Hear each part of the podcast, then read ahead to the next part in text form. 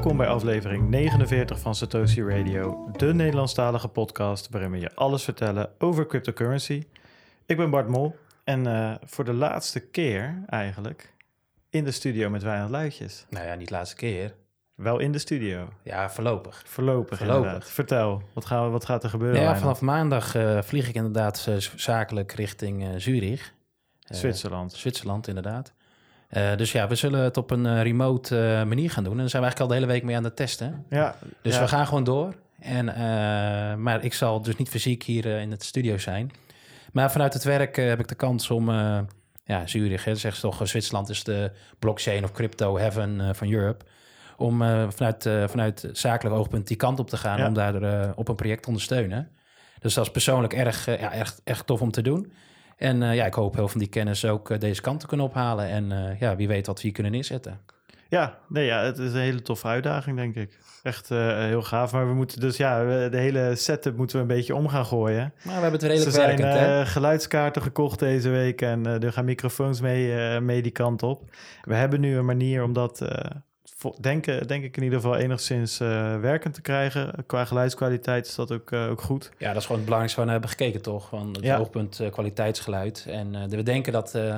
in de testopstelling ging het heel goed. Ja, maar ja, straks zit er een paar duizend kilometer tussen en dan... of het zit er wel een paar duizend. Er zit in ieder geval genoeg kilometer tussen om het spannend te maken. Maar we gaan het gewoon proberen en dan komen we vast wel weer uit. En, dus ja, dat, dat gaan we doen. Maar dat is vanaf volgende week. Ja. Um, dus dat zien we dan wel weer hoe dat uh, gaat. Maar laten we nog dan genieten van de laatste keer samen. Ja, we staan weer lekker samen te zweten, maar dit keer ja, nou, dat zal ik. Uh, die, die, die, die, geur hoef ik dan niet meer uh, te ruiken. Maar nee, joh, dat, dat gaat helemaal goed komen. Allereerst natuurlijk onze disclaimer. Alles wat wij vertellen is op persoonlijke titel en moet niet worden gezien als beleggingsadvies. We zijn bereikbaar via Telegram en Twitter. De links vind je op www.satoshiradio.nl. En je kan ons op diverse manieren steunen. En ook deze links vind je op de website. Uh, en we hebben natuurlijk een gast in de studio. Die komt volgende week ook nog gewoon uh, trouwens. Hier in de studio. Dus dat, uh, ja, dat wordt allemaal weer dat wordt allemaal wat. maar we hebben deze week dus ook een gast. En dat is niemand minder dan de marketing manager van Bitcoin Meester. Bitcoin Meester is sinds, 2000, of, sinds juni 2017 actief. en is een van de snelst groeiende crypto brokers in Nederland. Uh, hij is daarnaast een graag geziene gast in de crypto community. Hij is bijvoorbeeld bij de Telegraaf te gast geweest en hij heeft ook uh, meegedaan aan meerdere andere podcasts. Ik heb het over niemand minder dan uh, Christian Jimmink. Jimmink of Jimmink? Jimmink. Jimmink. Christian Jimmink. Welkom, leuk dat je er bent. Dankjewel, bedankt voor de uitnodiging. Ja, je kwam aangereden in de Bitcoin Meester mobiel, ja. als ik het zo maar mag zeggen. Erg Wit, trots op. Ja, witte auto met groot Bitcoin Meester erop. Ja, hele auto ondergestickerd met Bitcoin Meester. Krijg je daar veel reacties op? Ja, heel veel. Zeker in het begin uh, hebben we nog wel wat tweets en wat Facebook-posts eruit gegooid. Uh, ja, en toen kreeg je wel bijna iedere dag wel van... Hey, ik zag hem rijden, ik zag hem rijden. En uh, we rijden veel door het centrum van Amsterdam. Ja. Nou ja, en het, het, geeft gewoon ontzettend veel interactie. Als ik even boodschappen ga doen en ik zet mijn auto neer. Ah, dus jij zit in de bitcoins. Ja, vertel eens. Ja. Dat is gewoon heel leuk. Ja, dat, dat kan ik me voorstellen. Misschien straks een van die Satoshi Radio stickers achterop. Hè? Ja, kan er mooi naast. Mijn, mijn, hele laptop is vol bestickerd met uh, allerlei verschillende stickers. En deze gaat er zeker op. Ja, dat uh, nou, tof. Goed om te horen. Hey, uh, ja, we hebben een introductietje gegeven, maar ja, hebben we wat gemist? Misschien uh, buiten het professionele. Ik moest zeggen, normaal kunnen we nog wel wat vinden over onze gasten op, op Twitter of op, op Instagram, maar dat viel bij jou mee. Viel dat bij mij ja, mee? dus je zal het zelf ah, aan moeten Ik ben toch wel aardig uh, aan de tweets geslagen. Nee, ja, ja, Twitter goed. wel, ja, dat klopt. Twee jaar geleden eigenlijk begonnen in aanraking gekomen met, uh, met de crypto. Begonnen bij Verge. XVG. Ja. Daar heb ik zeven maanden voor gewerkt, tussen aanhalingstekens. Dus natuurlijk zit geen bedrijf achter, dus alles was vrijwillig. En ja, daar is eigenlijk wel alle passie ontstaan. Uh, begon als een admin, toen doorgegaan naar marketing. Uh, nou goed, mijn vrouw die werd er uh, zodanig gek van... dat ze op een gegeven moment zei van... ja, volgens mij moet je hier gewoon je fulltime job van maken. Want als ik thuis kwam van mijn werk... dan ging s'avonds direct de laptop open. Ja, um, ja en zo eh, ben ik eigenlijk wat verschillende projectjes gaan doen... wat kleinere projectjes. eh, mijn netwerk wat opbouwen. Eh, ja, en toen kwam Bitcoin Meester voorbij. En daar zit ik nu zeven maanden. Ja. Dan zit ik echt wel uh, op mijn plek. Ja, dat is uh, goed, goed, om te horen. We zagen trouwens, wat je zegt, ik ben wel actief op Twitter. Daar zagen we wel behoorlijk wat over Ajax voorbij komen. Is dat Nou. een andere passie van je? Ja, ik ben wel uh, fanatiek supporter. Uh, niet eentje die iedere wedstrijd gaat, Nee. uh, maar wel eentje die iedere wedstrijd wil zien. Ja. En uh, nou, dit seizoen is gewoon geweldig. Ja, dan heb je dit seizoen uh, genoeg wedstrijden gezien, denk ik. Ja, was, absoluut. Uh, op een gegeven moment was het elke halve week raak met een mooie pot natuurlijk. Ja, met voetbal wat ze spelen dit seizoen, dat is, dat is ongekend. En al die jongens stuk voor stuk, De Licht, Frenkie de Jong... Ja. Hoe die jongens voetballen, ik vind het ontzettend zonde dat ze weggaan. je kan ze uiteindelijk niet tegenhouden. Nee. Maar goed, landstitel, KVB-beker, halve finale Champions League.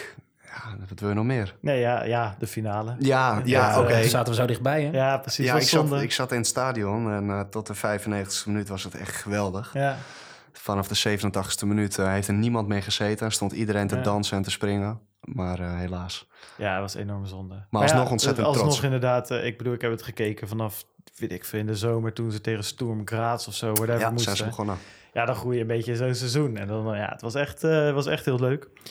Maar goed, uh, ja, we zitten natuurlijk voor de crypto's uh, uiteindelijk. Yes. Um, anders krijgen we straks een halve Telegram groep over ons heen die niets met voetbal heeft. Ja, maar we willen alsnog toch voor die sportcategorie gaan, voor die awards. Ja, misschien volgend oh, ja. jaar pakken ja. we hem dan alsnog inderdaad. Of komen we er misschien nu nog bij, nu we toch weer uh, een goede voetbal, voetbalinzicht hebben gegeven. Hey, maar we hebben natuurlijk altijd een paar stellingen. en die gaan we even op je af, afvuren. ik zal beginnen. Satoshi of Vitalik? Satoshi. Coinbase of Binance? Oeh, uh, Binance. Podcast of video? Podcast. Ja, ik zit er nu eentje te kijken, Bart, maar je hebt hem eigenlijk al weggegeven natuurlijk. We hebben ja, hier staan ja. AFC Ajax of FC Utrecht. Ja, ja, dat is research vanuit jullie. Die hebben jullie heel goed gedaan. ja. um, ik ben een ajax Ik heb twee jaar rondgelopen bij FC Utrecht. Um, het matcht totaal niet met elkaar. Want de supporters die vinden elkaar zeker niet aardig. Uh, alleen ik moet wel zeggen dat ik in die twee jaar wel... Ik zal geen liefde zeggen, maar wel respect heb gekregen van FC ja. Utrecht. Maar de keuze is Ajax. Okay. Twitter of Telegram? Telegram. Ja, ik heb er nog eentje bijgefietst, Bart. Oh, toch wel? Je hebt even sneak hier gedaan. Nou, dan mag je hem ook helemaal zelf uit gaan leggen. Oh, like of share? Share. Hey, is er eentje waarvan jij zegt van joh, die wil ik nog even wat verder uh, uitleg over geven? Je hebt bij Ajax FC Utrecht, die is duidelijk, die hebben, we, uh, die hebben we gehad. Maar is er nog een andere waarvan je zegt van nou... Nou, like en share vond ik wel een leuke, want dat... Uh, ja, het like is op een knopje drukken en dan heb je eigenlijk geen interactie meer. En als jij het woord wil verspreiden en ik neem dat van een van jullie over, dan komt het veel verder. Ja. En dat is eigenlijk het project waar ik ben begonnen, staat daarvoor. Maar ook projecten waar ik nu mee bezig ben, die staan daarvoor hand in hand gewoon zorgen dat het verder komt. Met z'n allen en niet alleen. Ja. Ja, ja kan, kan er niks op zeggen. Ja, ja ik weet niet, jij hebt hem verzonnen. Ja, ik, heb hem verzonnen, maar uh, ik, ik heb een beetje hetzelfde. Maar het moet, ik, ik denk dat het kracht is achter een share, dat je iets persoonlijks erbij typt of je eigen visie. Nou, dat is wel een hele goeie, want dat mis ik echt heel erg. Ja, want zo'n blinde share is uh, vaak, vind ik juist nog een legere boodschap juist dan een like. Ja. Ja, ja, maar eens. Je ziet het maar, op LinkedIn vooral. Ja, ja LinkedIn wordt daar redelijk van misbruikt. Ja. En ik denk dat Twitter daar iets meer... en dan pak dan link je vaak en dan ga je toch je mening ja. opgeven. Ja, dan kan je tekst boven zetten inderdaad. Ja. Ja. Ja. maar dat in LinkedIn ook. Maar toch de, mensen heel snel share. Ja, LinkedIn vind ik een beetje... is toch uh, zijn een beetje zombies van hun eigen werkgever vaak. Ja. Van de werkgever zegt van nou, we moeten hier iets mee of zo. Nou, hier heb je een paar uh, social media pakket of zo. Met een tekstje en een artikel en zus en zo. En dat artikel is vaak hartstikke goed. Daar is niks mis mee. Alleen ik mis dan een beetje vaak, denk oké, maar werknemer X, wat denk jij er nou van? Weet je wel? Of heb je het helemaal niet gelezen en share je het maar gewoon? Mm -hmm. uh, waardoor het eigenlijk, waardoor je soms drie keer hetzelfde artikel langs ziet komen van drie me medewerkers van een, van een bedrijf. Ja, of van een jaar terug dat hij opeens. Ja, dan denk ik van schrijf er nou even bij wat je er zelf van vindt. Dat weet je. Um, ja, dat, dat mis ik een beetje. En dat is wat jij zegt op Twitter. Als je een beetje de juiste mensen volgt in ieder geval, is dat veel meer inderdaad. Dat je hele uh, threads over, over dingen uh, krijgt. Ja, ja want natuurlijk die AFC Ajax tegen, tegenover FC Utrecht hadden we natuurlijk ook wel van. Uh, we zagen ook dat jullie uh, actief waren in de sponsoring. Ja, ja klopt ja. Ja, dat is. Um, nou ja, dat heeft dus te maken dat ik daar twee jaar uh, heb rondgelopen. Dus die lijntjes waren erg snel gelegd. Uh, wij hebben gisteravond uh, de laatste wedstrijd van de Eredivisie hebben wij gesponsord bij FC Utrecht. En sponsoren, je kan verschillende sp dingen sponsoren. En wij hebben dan gekozen voor de aanvoerdersband. Um, en ja, wat krijg je daarvoor? We zijn meegenomen in de interne looping bij de restaurants, bij de skyboxen, ja. bij de, bij de VIP-zalen. Uh, je naam wordt twee keer omgeroepen in het stadion. Ja, dat is gewoon ontzettend cool. Ja. Dat, weet je, de 23.000 man horen gewoon uh, de naam Bitcoin meester. Ja, dat is gewoon kicken. Ja, nee, wij, ja, we hebben natuurlijk met die, met die, hadden het voor de uitzending even met die podcast awards, werden wij omgeroepen op BNR. En stonden we op nu.nl. Ja, dat was maar heel klein, het was ons naam, maar het was wel, we hadden er wel zoiets van, ja, het is super vet inderdaad. Ze kan me dat helemaal voorstellen als je het in het stadion hoort dat dat, eh, Ja, Een kick. ja, ja, dat het is, ook het is een kick kick. is, ja. En, eh, en het is ook leuk om dingen te zoeken buiten de crypto. Je merkt wel dat het binnen het cryptolandje ook een heel klein beetje verzadigd raakt. Iedereen kent elkaar nu wel een beetje. Dus wij willen nu heel erg gaan focussen op daarbuiten. Nou, ja, de voetballerij is daar natuurlijk een perfecte mogelijkheid voor. Ja, ja zeker. Nee, ja, ik zat nog even op de website te kijken. Inderdaad, je, kon, eh, van, je kan ook de wedstrijd, eh wedstrijdsponsor worden. En er zitten allemaal een soort van subcategorieën van dingen die je daar eh, kan sponsoren. En erg tof. Ja, ik had, ik had al die voetbalclubs eh, had ik vergeleken. Bij FC Volendam kan je zelfs een speler adopteren. ja, het gaat heel ver. En dan als die scoort, dan is het... eh Nee, Bitcoin Meester heeft de doelpunt gescoord. Nummer maar- 9. Echt waar? Nee, Oh. er staat in het programmaboekje van tevoren komt de opstelling. En onder een speler heb je dan zo'n balletje en daar komt dan jouw bedrijfsnaam in. Dus waarschijnlijk betaal je voor een basisspeler drie keer zoveel Ja, ja, als voor een wisselspeler. Ja, dat gaat ook heel Ah, ver. eh, Ja, het gaat heel ver, Ja, ja. ik zat het, gisteren had ik dat daar toevallig nog met mijn huisgenoot over. We zaten gisteren Ajax te kijken. En ehm, na die wedstrijd waren ze natuurlijk kampioen. En als je ziet, iedereen liep aan die spelers te trekken. Gewoon eh, fans die liepen alleen maar selfies te maken. En gewoon spelers echt aan het shirt erbij te trekken. En die journalisten. En ze moeten dan van alles. En natuurlijk, je hebt dan allemaal adverteerders inderdaad. Die, die dan ook daarbij staan. En dan ook een meet and greet hadden gekregen. Denk, terwijl die, jongen, die jongens zijn kampioen geworden, weet je wel. En die moeten dan... Ja, het is echt een... eh, lij- het lijkt me tof om profvoetballer te zijn. Maar dat stukje Dat- ervan, ja. dat, eh, lijkt me echt vreselijk, jongen. Als je die gasten eh, zag. Maar goed, dat... dat terzijde. Ehm even kijken, deze week. Nou, we hebben van allemaal nieuws eigenlijk. Eh er was vorige week misschien is er nu nog wat minder gebeurd. Nou, deze week hebben we echt wel eh, zonder al te veel moeite best wel volle bak wat dat betreft. De marktupdate, nou, ook daar is natuurlijk superveel gebeurd. En eh, daarna gaan we met Chris verder praten over, over Bitcoin Meester. Ja, dus het nieuws van de week. Natuurlijk mede mogelijk gemaakt door onze vrienden van Lekker Cryptisch. Eh, want die hadden weer van alles eh, helemaal uitgewerkt. Dat was wel fijn. Het kwam vandaag laat op kantoor aan. Het is toch fijn als je een Nederlands artikel even door kan lezen over het, eh, over het nieuws. Ehm, maar we gaan ergens anders mee beginnen. En dat is natuurlijk de Podcast Awards. Die lopen nog steeds. Dus www.podcastawards.nl. Daar kan je stemmen per categorie. Nou, stem op ons als je wil. Eh, ja, of doe het niet, maar je kan daar in ieder geval, eh, in ieder geval gaan stemmen. Eh, de andere categorieën kan je ook stemmen, of kan je laten voor wat het is. En aan de onderkant klik je op verzenden en dan moet je nog een verificatiemail en whatever. Ja, wij vallen in ieder geval onder technologie. Ja, innovatie. tech en innovatie, dus dat is, dat is hartstikke leuk.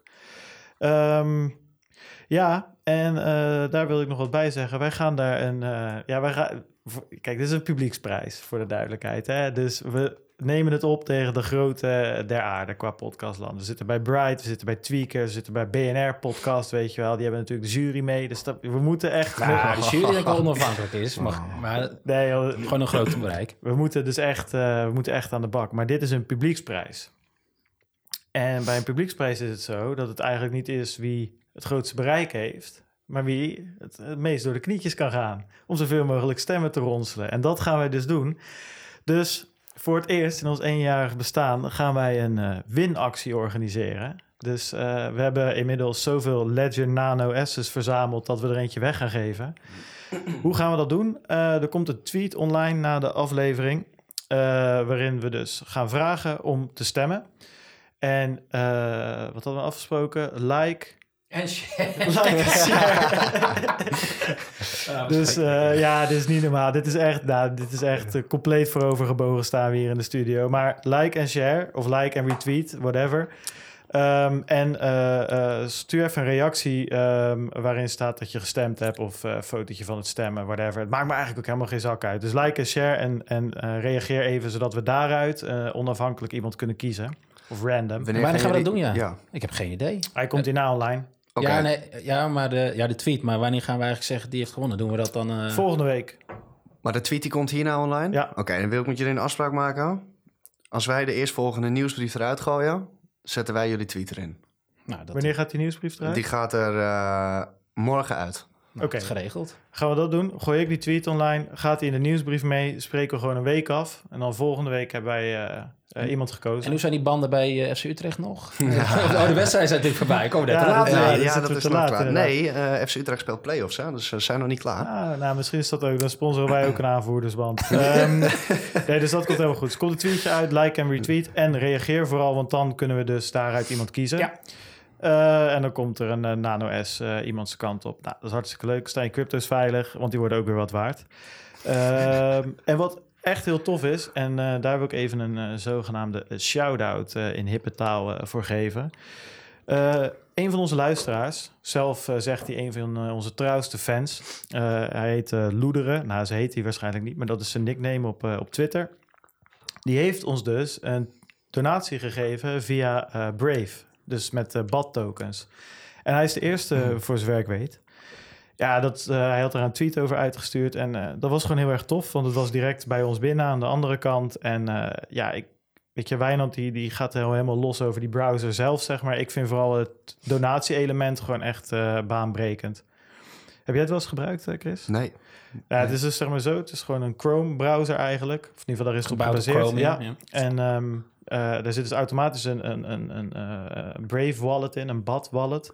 Dus dan kan je dus BAT tokens opzetten. En als je dan naar een website gaat, dan kan je op dat knopje klikken. En dan zie je dus, deze website is BAT verified of Brave verified. En dan kan je dus, ja, 1 BAT, 2 BAT, een paar euro sturen, 100 BAT, wat jij wil. Het is gewoon een donatiesysteem Ja, eigenlijk. maar direct Ah. geïntegreerd in je browser. Dus je hoeft niet meer los naar Ideal, PayPal, whatever. Het is klik, klik, klik. En je kan het gewoon een kleine donatie aan, aan een partij doen. En Ik kan me nog wel herinneren dat, eh, dat er eh, in 2017 een partij is gestart die dit ook wilde. eh, was dit niet Redcoin?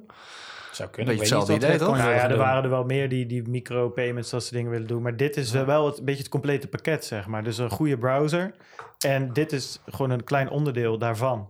Een mooi En, systeem. eh, en dat maakt het tof. Want die browser is ook prima als je geen bad wil gebruiken. Dus hè, wat Wijnand zegt, die heeft hem best intensief getest de afgelopen tijd. Dat werkt gewoon top, ook qua eh, privacy, adblocking, dat soort dingen. Dus eh nou, dat wilde ik even aanhalen. Eh, dus eh Loederen, bedankt. Wij hebben, kunnen weer wat kuppensoep kopen om in leven te blijven. Ehm, ja, en dan het echte nieuws. Wijnand, jij hebt volgens mij iets redelijk uit zitten zoeken. Nou ja, het, het, het kwam eigenlijk al eerder voorbij. Hè? Het is dus niet per se nieuws gerelateerd tot alleen deze week. Het speelt eigenlijk al langer. We hadden natuurlijk vorige keer ook al heel erg gebruikt over re- regulatie gesproken. Ja. Eh, maar Peter die gooide het in de channel en die zei... hebben jullie dit stuk al gezien? En die refereerde eh, van Lekker Cryptisch... die refer- refereerde naar, wat die, eh, naar een stuk wat ze hadden getypt. Dus even ook wel goed om te noemen. een andere gast die ook bij ons geweest is Simon? Simon Lelyveld. Die had dat vorige week, stuurde dit naar mij toe op LinkedIn. of naar ons toe. En die zei van, joh jongens, kijk hier even naar. Misschien kunnen jullie daar nog wat, wat over zeggen. Dus nou, veel mensen begonnen erover. Dus bij deze. Ja, dus eigenlijk, eh, dat kwam vorige keer net na onze uitzending, geloof ik, dat het een beetje eh, in de media begon te, door te sijpelen. Ja, Maar we hebben het natuurlijk al over die eh, anti-money laundering eh, gehad. Hè? Dus oké, hoe ver moet je gaan om transacties te monitoren? Waar gaat het heen? Gaat het niet naar terroristen of naar dark web? Al dat soort punten. ja dan heb je het over dat WWFT exact, verhaal, hè? daar hebben we het Ja. vaker over gehad. En in eerste instantie eh, was dat een beetje een foute aanname van mij dat dit vergelijkbaar was. Nou, het is, het is niet compleet eh, iets anders. Alleen het lijkt een eh, stukje verder te gaan. En daar heeft eh, Simon een uitgebreid stuk ook op Medium geplaatst. Ja. Wat zeker de moeite is om te lezen. Je moet er wel even, even voor gaan zitten. Want hij haalt heel veel verschillende definities aan vanuit verschillende instellingen. En daarmee bouwt hij eigenlijk op naar het probleem. Ehm, waarin hij laat zien van oké, ja, we gaan, nu zulke stappen nemen. Dat is ten eerste eh privacygevoelig en eh, technisch niet haalbaar. Ja. En ik sla hem nu heel erg plat hoor. Ik denk dat het gewoon het beste is om eh, ja, op zijn naam even op Medium te kijken. Want hij post vaker. ja, we kunnen dat linkje wel even in de Telegram groep Ja, dat gooien. heeft Ja. Tom al gedaan. Oh, dus nou, ja, ja, ja, ja. Nou, wat is eigenlijk het, het, het, het probleem wat hier beschreven wordt? Dit is een, inter- een internationale organisatie. Het staat voor Financial Action Task Force. Ja. En wat doet die organisatie? Die adviseert eigenlijk de financiële in de markt en de toezichthouders en eh, nou, de, de wetgevers op, op, op opkomende eh, eh, ja, trends en zo. Nou, nu gaan ze dus crypto hebben ze behandeld. En ehm, als ik het ook zag, gaat dit al live dan ook in juni 2019. Dus ik snap ook wel de reactie van, oké, dat is wel heel erg snel. Ja. Maar wat doet tegen een organisatie die geeft advies? Maar wat er, als ik zo Simon geloof, bijna op neerkomt, dat is niet alleen een advies wat je gewoon kunt neem van nou, dat ga ik gebruiken of het is handig of niet handig. Het is eigenlijk best wel, het wordt opgelegd. Ja, want wat ik hier uh, lees, is zeg maar dat, dat al die leden die dus zich aan hebben gesloten bij die taskforce, wat voor mij rond de 40 landen zijn, waar in Nederland er eentje van is. En de US een hele grote invloed ja. op heeft. En uh, daar wordt eigenlijk gezegd dat die hebben met elkaar afgesproken dat als die, die FATF, hè, zoals het dan afgekort wordt, een aanbeveling doet, dan moet dat ook omgezet worden in lokale wetgeving. Dat is een beetje het, uh, het, het idee geworden. erachter. Dus ja. het is eigenlijk gewoon een internationale regelgever. Dus het is niet zomaar een, uh, ja, een, een of ander uh, orgaantje van een bepaald land. Dat is echt internationaal wel, wel een, wel een sterke kracht, zeg maar, qua regelgeving. Ja, en, en, en, eigenlijk beschrijft het ook, hè, dus volgens mij ook uh, meerdere punten. Je kunt het op hun eigen website ook heel duidelijk terugvinden wat nou de besloten wordt op het gebied van crypto. Maar waaronder je, nou, als je als broker uh, bijvoorbeeld, je, of in ieder geval als je handelt, en dat noemen ze dan de, de FAPS of zo, hè, de, de Virtual Asset Service Providers. Ja. Uh, dus waaronder brokers, maar ook custodian wallets aanbieden, exchanges, exchanges ja. eigenlijk alles waar je gewoon handel mogelijk maakt met crypto's, dat je daaraan gebonden bent. En nou, wat we wel weten vanuit de WWFT-vergunning, dus dat je claim je klant, uh, je moet wallet screenen, die moet je koppelen aan elkaar. En als er een bepaalde verdachte transactie wordt, uh, dan moet je dat melden. Ja. Uh, nou, dat, dat komt eraan per januari 2020 Ja, vanuit de Europese euro- wetgeving. Heel, ja. Dit is eigenlijk ja, internationaal en met name wordt er heel veel invloed uitgeoefend door de, US, uitgeoefend door de US. En dit gaat dan net een stapje verder, waarbij je dus ook uh, bij die transacties die jij faciliteert vanaf jouw platform bepaalde transactiegegevens mee zou moeten sturen. Nou, dat is over openbare netwerken niet eens altijd mogelijk, maar stel dat het mogelijk was, heel erg privacygevoelig. Ja. Want niet iedereen gaat aan dat ik jou een grote som uh, bitcoin zou En sturen. wat, wat moet je meesturen dan voor uh, informatie? Ja, dat kon ik dan niet heel snel halen. Maar in ieder geval waarschijnlijk wie het is, welk bedrag, wat het doel is. En Uh, waar, waar het vandaan komt waarschijnlijk. Ze willen komt. eigenlijk gewoon dat je je walletadres daar een treintje van maakt en dat overhandigt. Precies, maar normaal gesproken, hè, dus met de, de, de Europese wetgeving, dan moet je dat gewoon uh, zelf uitvoeren. Dan moet je dan storen. Hè, dus als je wordt gevraagd of je ontdekt zelf een financiële transactie die uh, fraudegevoelig kan zijn of terrorisme, Ja. dan kun je dat melden. Mhm. En dan kan er gevraagd worden naar die melding om het dossier te overhandigen. Ja, en voor zover ik er verstand van heb, en wat wij toen van verschillende mensen Mhm. gehoord hebben, zit dat ook vooral, hè, die Europese WWFT-wetgeving, zit dan vooral op het identificeren van inkomende gelden. Dus als ik eh, bijvoorbeeld bij jullie aanmeld, bij Bitcoin Meester of bij eh, Bitonic, Anycoin Direct, noem ze allemaal maar op. Die moeten eh, mij screenen. Ja. En eh, die moeten dus hè, mijn bankrekening screenen. En die moeten laten zien, oké, dat geld komt daar vandaan, zeg maar. Volgens mij op dit moment onder die WWFT, maar dat was daar ook onduidelijk, was het nog niet helemaal duidelijk hoe dat dan moest als ik geld onttrek. Dus als ik van eh, een van die platformen zeg, oké, ik betaal het nu uit naar dit Bitcoin-adres. En dat was daar ook nog een beetje onduidelijk. Moeten we dat dan ook gaan screenen? Ja, de, de uitvoering was onduidelijk. Ja. Ik denk dat dat wel de bedoeling zou zijn. Ja. Want het gaat volgens mij over in- en uitgaand. Eigenlijk alles wat je afhandelt als, als platform... zou je eh, ja, in ieder geval moeten kunnen aantonen... dat dat niet eh, richting een, een, een dark web of terrorisme zou gaan. Maar ja, die spraken niet zo in dat deze partijen... onderling dus al die informatie zouden mee moeten sturen. Ja. Dus stel dat jij inderdaad een transactie... eh, volgens mij als ik het zo las... naar Binance zou sturen... ja, Van, eh, van een van de Nederlandse brokers naar Binance ja, dan zouden zij aan die transactie dus een transactienummer moeten pakken en dat via welk platform aan elkaar oversturen. Moet je dat dan via mail of, meenemen. ja, of hash? eh, Dat is allemaal dus compleet niet beschreven. En, en dat is wat Simon ook zegt. Ja, er is gewoon geen basis op een, ja, op een harmony, op een, op een eenduidige uitvoering van dit beleid. Ja, Laat, laat los van dat, helemaal- technisch... eh, dat het technisch, maar ook wat is dan de definitie van een virtuele asset? Ja, Ja, daar en- gaat hij ook, laat hij stapgewijs zien dat dat niet eenduidig En is. dat vond ik heel interessant, want wij hadden daar toevallig vorige week of die weken voor een eh, best wel filosoof, er werd een best wel filosofisch verhaal op een gegeven moment, waar jij op een gegeven moment stond te kijken van joh, eh, waar heb je het nou weer over? Maar wil ik mezelf niet een schouderklopje geven, maar ga ik wel doen. Want dat is nu wel waar, waar het hier ook, ze hebben het over dus die virtual assets, hè? En wij hebben het toen ook erover gehad, wat is een digitale asset nou precies? Want toen ging ik dat opzoeken en toen weet ik nog dat we op een gegeven moment op schilderijen, of in ieder geval eh, online afbeeldingen kwamen, films, games, alles wat je Ja, online ja. kan verspreiden. En nou zeggen ze hier volgens mij wel op een gegeven moment dat dat... eh, dat je er ook mee moet kunnen betalen, zeg maar. Maar dat is dan wel weer anders dan de digital asset eh, definitie op bijvoorbeeld Wikipedia. Nou weet ik ook wel dat dat geen... Maar dat is wel natuurlijk... Weet je, er zijn dus heel veel verschillende eh, definities van wat is een digital asset. En degene die zij gebruiken is ook weer zo vaag. Dat ja, het, en er valt heel veel onder. En, en Simon haalt ook volgens mij de uh, CO2-uitstootcertificaten aan. Ja. Waar niet per se een, een, financiële waarde aan zit, maar wat iets vertegenwoordigt in de, in de normale wereld. Wat je, eh, hoeveel mag je uitstoten? Dus het is nu zo breed dat het gewoon heel ten eerste niet uitvoerbaar lijkt. En, en ook met het meesturen met informatie. Ja, dat, maar jij had het over 7 juni 2019 live? Of nee, ja, in juni. Ja, 19. Maar dat is toch helemaal niet haalbaar? Nee, hij zegt ook, het lijkt op een haastwerk. Ja. ja. Ik kon die datum, ja, dat moet dus een beetje ad hoc natuurlijk, voordat we hier echt compleet in konden uh, duiken. Uh, dus dit haalde ik uit zijn medium post. Dus mm -hmm. uh, nou ja, ik denk dat Simon, die zit er nooit naast. Dus dat is makkelijk. Maar goed, het voorstel wat, wat al een hele tijd ligt, het wetsvoorstel, wat in april 2020 live zou moeten. Ja.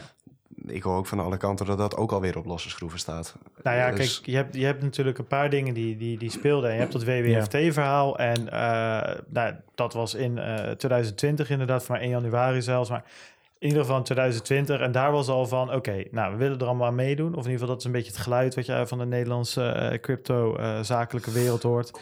Maar hoe dan? Weet je wel, want we hebben dit en dit en dit. Maar is dat genoeg, ja of nee? Dat is Ja. een beetje uh, de vraag. En dit staat er dus weer los. Eigenlijk komt er weer bij. Dus van een orgaan wat misschien nog wel invloedrijker is dan, dan, dan de Europese regelgeving.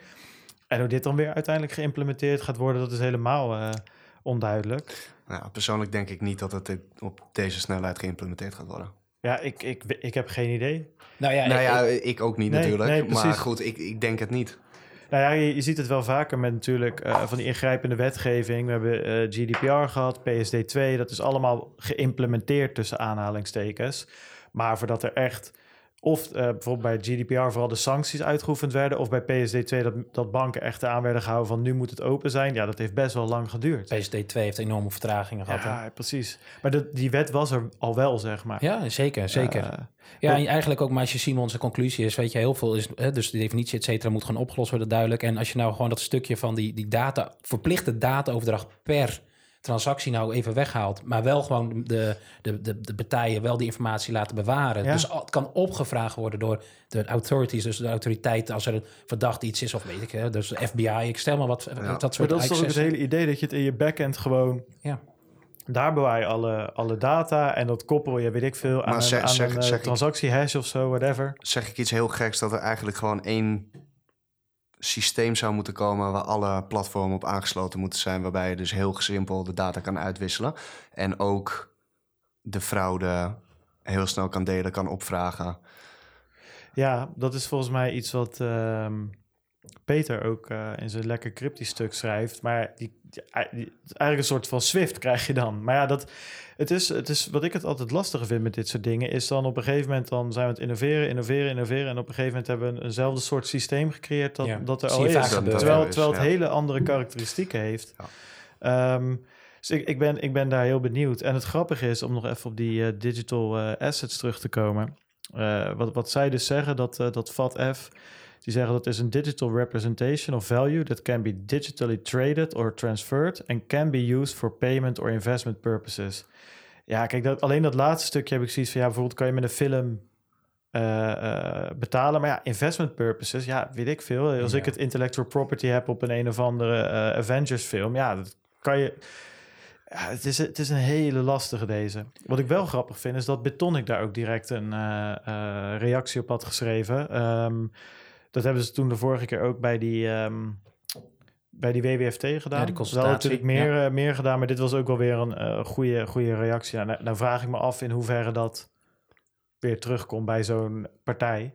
Maar ik denk in ieder geval dat het goed is om daar gewoon als gewoon com- complete crypto eh, communities ja, gewoon achter te gaan staan. Of in ieder geval daar, daar samen in te staan. Want dit is echt. ehm, ja, kijk, ik, ik ben nooit een tegenstander geweest van, van dingen eh, op een bepaalde manier reguleren of kijken hoe dat werkt, weet je wel. Want crypto, eh, zeker eh, afgelopen jaren, was ook gewoon bij tijd en wijle één grote scam, eh wilde westen. Westen, hè? Ja. Dat mensen veel zeggen.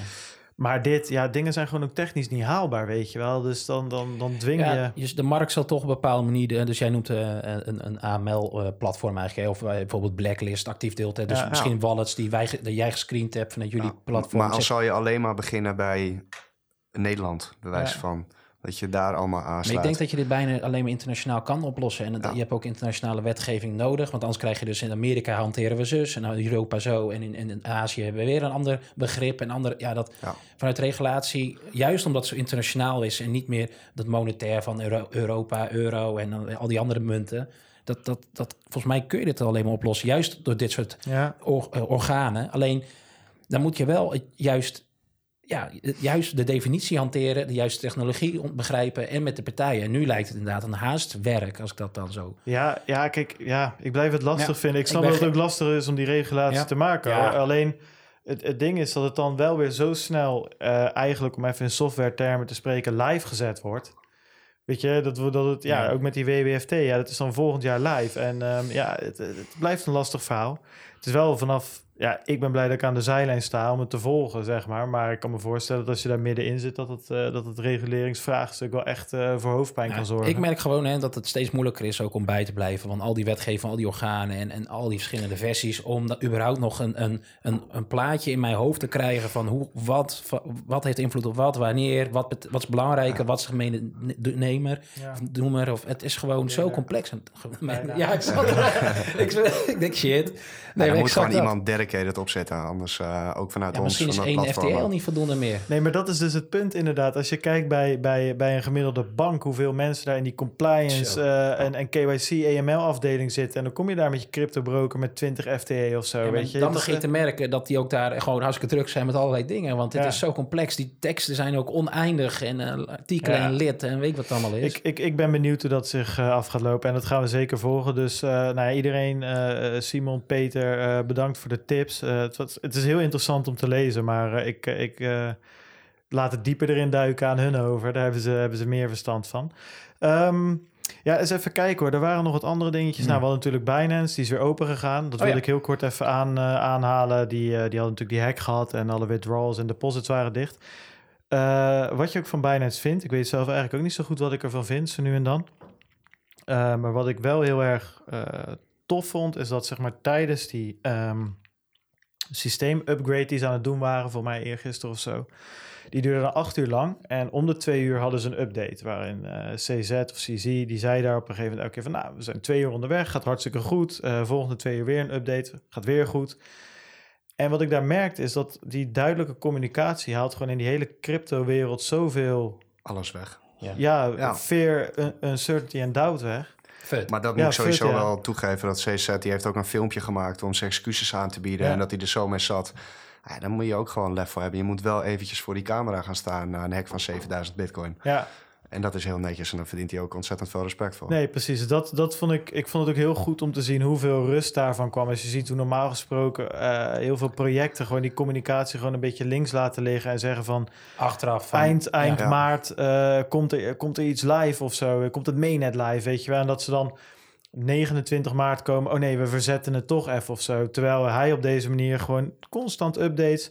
Terwijl als zo'n project zou zeggen op 15 maart van jongens, misschien gaan we het niet redden. We gaan een weekje later live. Dan heb je dat gezeik allemaal niet. En, nee, maar eh, op dit gebied vind ik het dus altijd, hè, dus zodra het om een eigen platform gaat, of om tech, of om een hack, of dat los denk ik met dat fonds, wat wel, Ja. gaat allemaal denk ik heel goed. Maar wat, wat bij mij altijd maar blijft knellen, die schoenen, of die oude sokken met gaten erin, maakt me niet uit. Maar eh, weet je, het gaat, die druk die jij op projecten zet, ook wat je dan hoort om Ethereum project of andere projecten over te krijgen Ja. op zijn eigen chain. Ehm, eh, wat je ook ziet met die inter, eh, initial exchange offerings, dat daar enorme voorwaarden, nou ja, eigenlijk ten opzichte van de early investors, die, die de, nieuw, de publieke sale eh, gewoon veel beter is. Zelf. ja, Hij gebruikt wel echt die macht ja, op een voor zakelijke manier misschien heel goed, hè, om zijn eigen platform omhoog te doen. Maar of het nou heel positief is, pro- projecten die willen samenwerken met Binance, begin ik wel steeds wel af te nee, vragen. helemaal eens. zo? Maar en voor de rest, weet je, het wordt wel echt een, een, een, een too big to fail eigenlijk monster. Ja, en eh, de staat gaat bijna eens niet redden, weet je wel. Dus het wordt wel een enorme... Nou, en het voordeel is dat ze dan heel makkelijk zo'n hack op kunnen vangen, weet je wel. Ik Ja. bedoel, 40 miljoen dollar, we zullen het zo nog hebben, maar Cryptopia ging eraan kapot, om er een voorbeeld eh, te geven. En zij kunnen gewoon door en ze betalen dat, eh, dat lachend in principe. En die Het is 40 een- miljoen was maar 2%. Hè? Ja, precies. Dus dat, Gigantisch. Ja, dus, dus, dat, dus dat is allemaal wel, wel het voordeel ervan. Maar ze trekken weer heel veel naar zich toe. En heel veel gaat nu naar dat Binance chain. En, en ja, ik, ik, ik, voel me, ik ben het helemaal met je eens. Ik voel me daar ook niet helemaal lekker bij. Klopt, alleen daar heb je inderdaad wel een punt. Alleen ze zijn in heel veel dingen natuurlijk ook wel gewoon echt koplopen. En ze nemen ook echt wel heel veel initiatieven. Zoals de kiosk eh, in Australië was dat. Nou, dan kan je nu in iedere kiosk kan je nu gewoon bitcoin kopen. Ja. Dat heb ik niet eens gezien. Weet je, en dat heeft. Binance wel eh, voor elkaar gekregen. Dus dat doet hij op die manier gebruikt hij zijn macht wel goed. Maar het blijft natuurlijk ook een spelletje tussen eh, Binance eh, en de andere grote exchanges. Ze moeten het wel blijven Nee, winnen. maar vanuit een zakelijk perspectief is het top. Alleen het is gewoon centralisatie, is de puurste vorm. Ja, ja, ja, weet je, ja. eh, dus, dus dat is meer een beetje het, beetje het punt. Dat je gewoon, ja, weet je, misschien eh, is Binance wel de volgende Amazon of de volgende Alibaba of whatever. Maar dan wel als centrale exchange met één iemand aan het hoofd. En misschien zit er een blockchain achter waar al die projecten op gaan. Maar weet je, het is toch eh, eh, één iemand die daar aan de, eh, aan, aan, aan, de, aan, de, aan de touwtjes trekt. Ja, het is wel scary. Als er Ja. iets gebeurt, dan valt er wel gelijk een hele grote jongen. Ja, precies. Ja, en daarmee, kijk, en, en dat is dan, hè, ik, ik sta open voor van alles, maar hier moet ik de Bitcoin maximalist dan wel weer daar gelijk geven. Zeg maar dat Bitcoin een van de weinige projecten is die, tuurlijk, weet je, die prijs die dondert ook in elkaar als Binance echt eh, om zou vallen, maar dat zou wel overleven. En al die projecten die nu naar Binance Chain zijn gegaan, die zijn in één keer Klaar. klaar. Ja, waarschijnlijk Weet je, wel, ja. en... eh, Ja, want die upgrade, wat je haalde het aan, had te maken ook met die security improvements, al geloof ik. Ja, die ze onder Maar andere het is nog niet helemaal duidelijk welke security improvements ze nou precies gemaakt hebben. Voor mij komt er nog een blog. Oh, ze gaan het wel online. publiceren? Volgens mij gaan ze er Hmm. in ieder geval iets over schrijven, maar dat is nog niet helemaal langsgekomen. hey, ehm, eh, we hadden het er net al eh, even over. Ik schrok een beetje, want we zaten het scriptje te maken en ik zie allemaal dingen die jij erin had gezet en ik zag niks over Cryptopia, terwijl dat toch nieuws was. Ja, dat is ongekend. Ja, dat is echt ongekend. Ik schaam me ook diep. Ja, ik, weet, ja, ik, ik was zeven. Ja, hij is mijn mond geglipt. En dat is echt eh ja, mij, mij, mijzelf te blame. Nee, wat is daar nou aan de hand? Dus die hand, ja, die hebben natuurlijk al toen die hack was gebeurd, ergens begin januari, Ja. hebben we daar gewoon over, eh, nou ja, over gepraat. En eigenlijk wat is er aan de hand? En ehm, nou, het gaat helaas nog steeds niet zo goed. Ehm, ja, want ze, want ze stoppen ermee, hè? Ja. Ze gaan de, de, hele, de hele boel eh, liquideren. Dus Ja. ze zijn nog niet failliet. Of ze moeten niet per se stoppen, maar ze zien gewoon, ja, we gaan down and drain. Dus waarschijnlijk sinds die hack is het vertrouwen weg. Als we nu doorgaan, dan gaan we failliet. Dat is een Precies. beetje het idee. Dus Het is wel, de, de hack is heel vervelend, maar dit is wel de juiste manier om het op te lossen. Ja. Ze houden wel de eer aan hunzelf. Ja. Ja, en ik denk gewoon dat de klanten zijn weggebleven. En het is denk ik ook heel moeilijk om op dit gebied... en eh, we hebben het net over Binance gehad. Ja, eh, iedereen is zo over naar het andere platform, was al over. Ja. En wat bied je nog eh, echt aan? Ja, ze hadden natuurlijk heel veel van die nou ja, aparte coins die ze hadden... die je bijna alleen daar kon krijgen. Nou, dat is altijd hun sterkte geweest, denk ik. En Ja, dat is snel ook, listen eh, en, en ja. ja. ja, precies. En, en niet te moeilijk daarover doen. Ehm, maar ja, toen was wat er is 9% was ongeveer gestolen. Ja. Maar ja, die, die 18 miljoen was, of 16 miljoen was dat toen waard, is toch voldoende om te zeggen, ja, we, we- stoppen er echt gewoon compleet mee.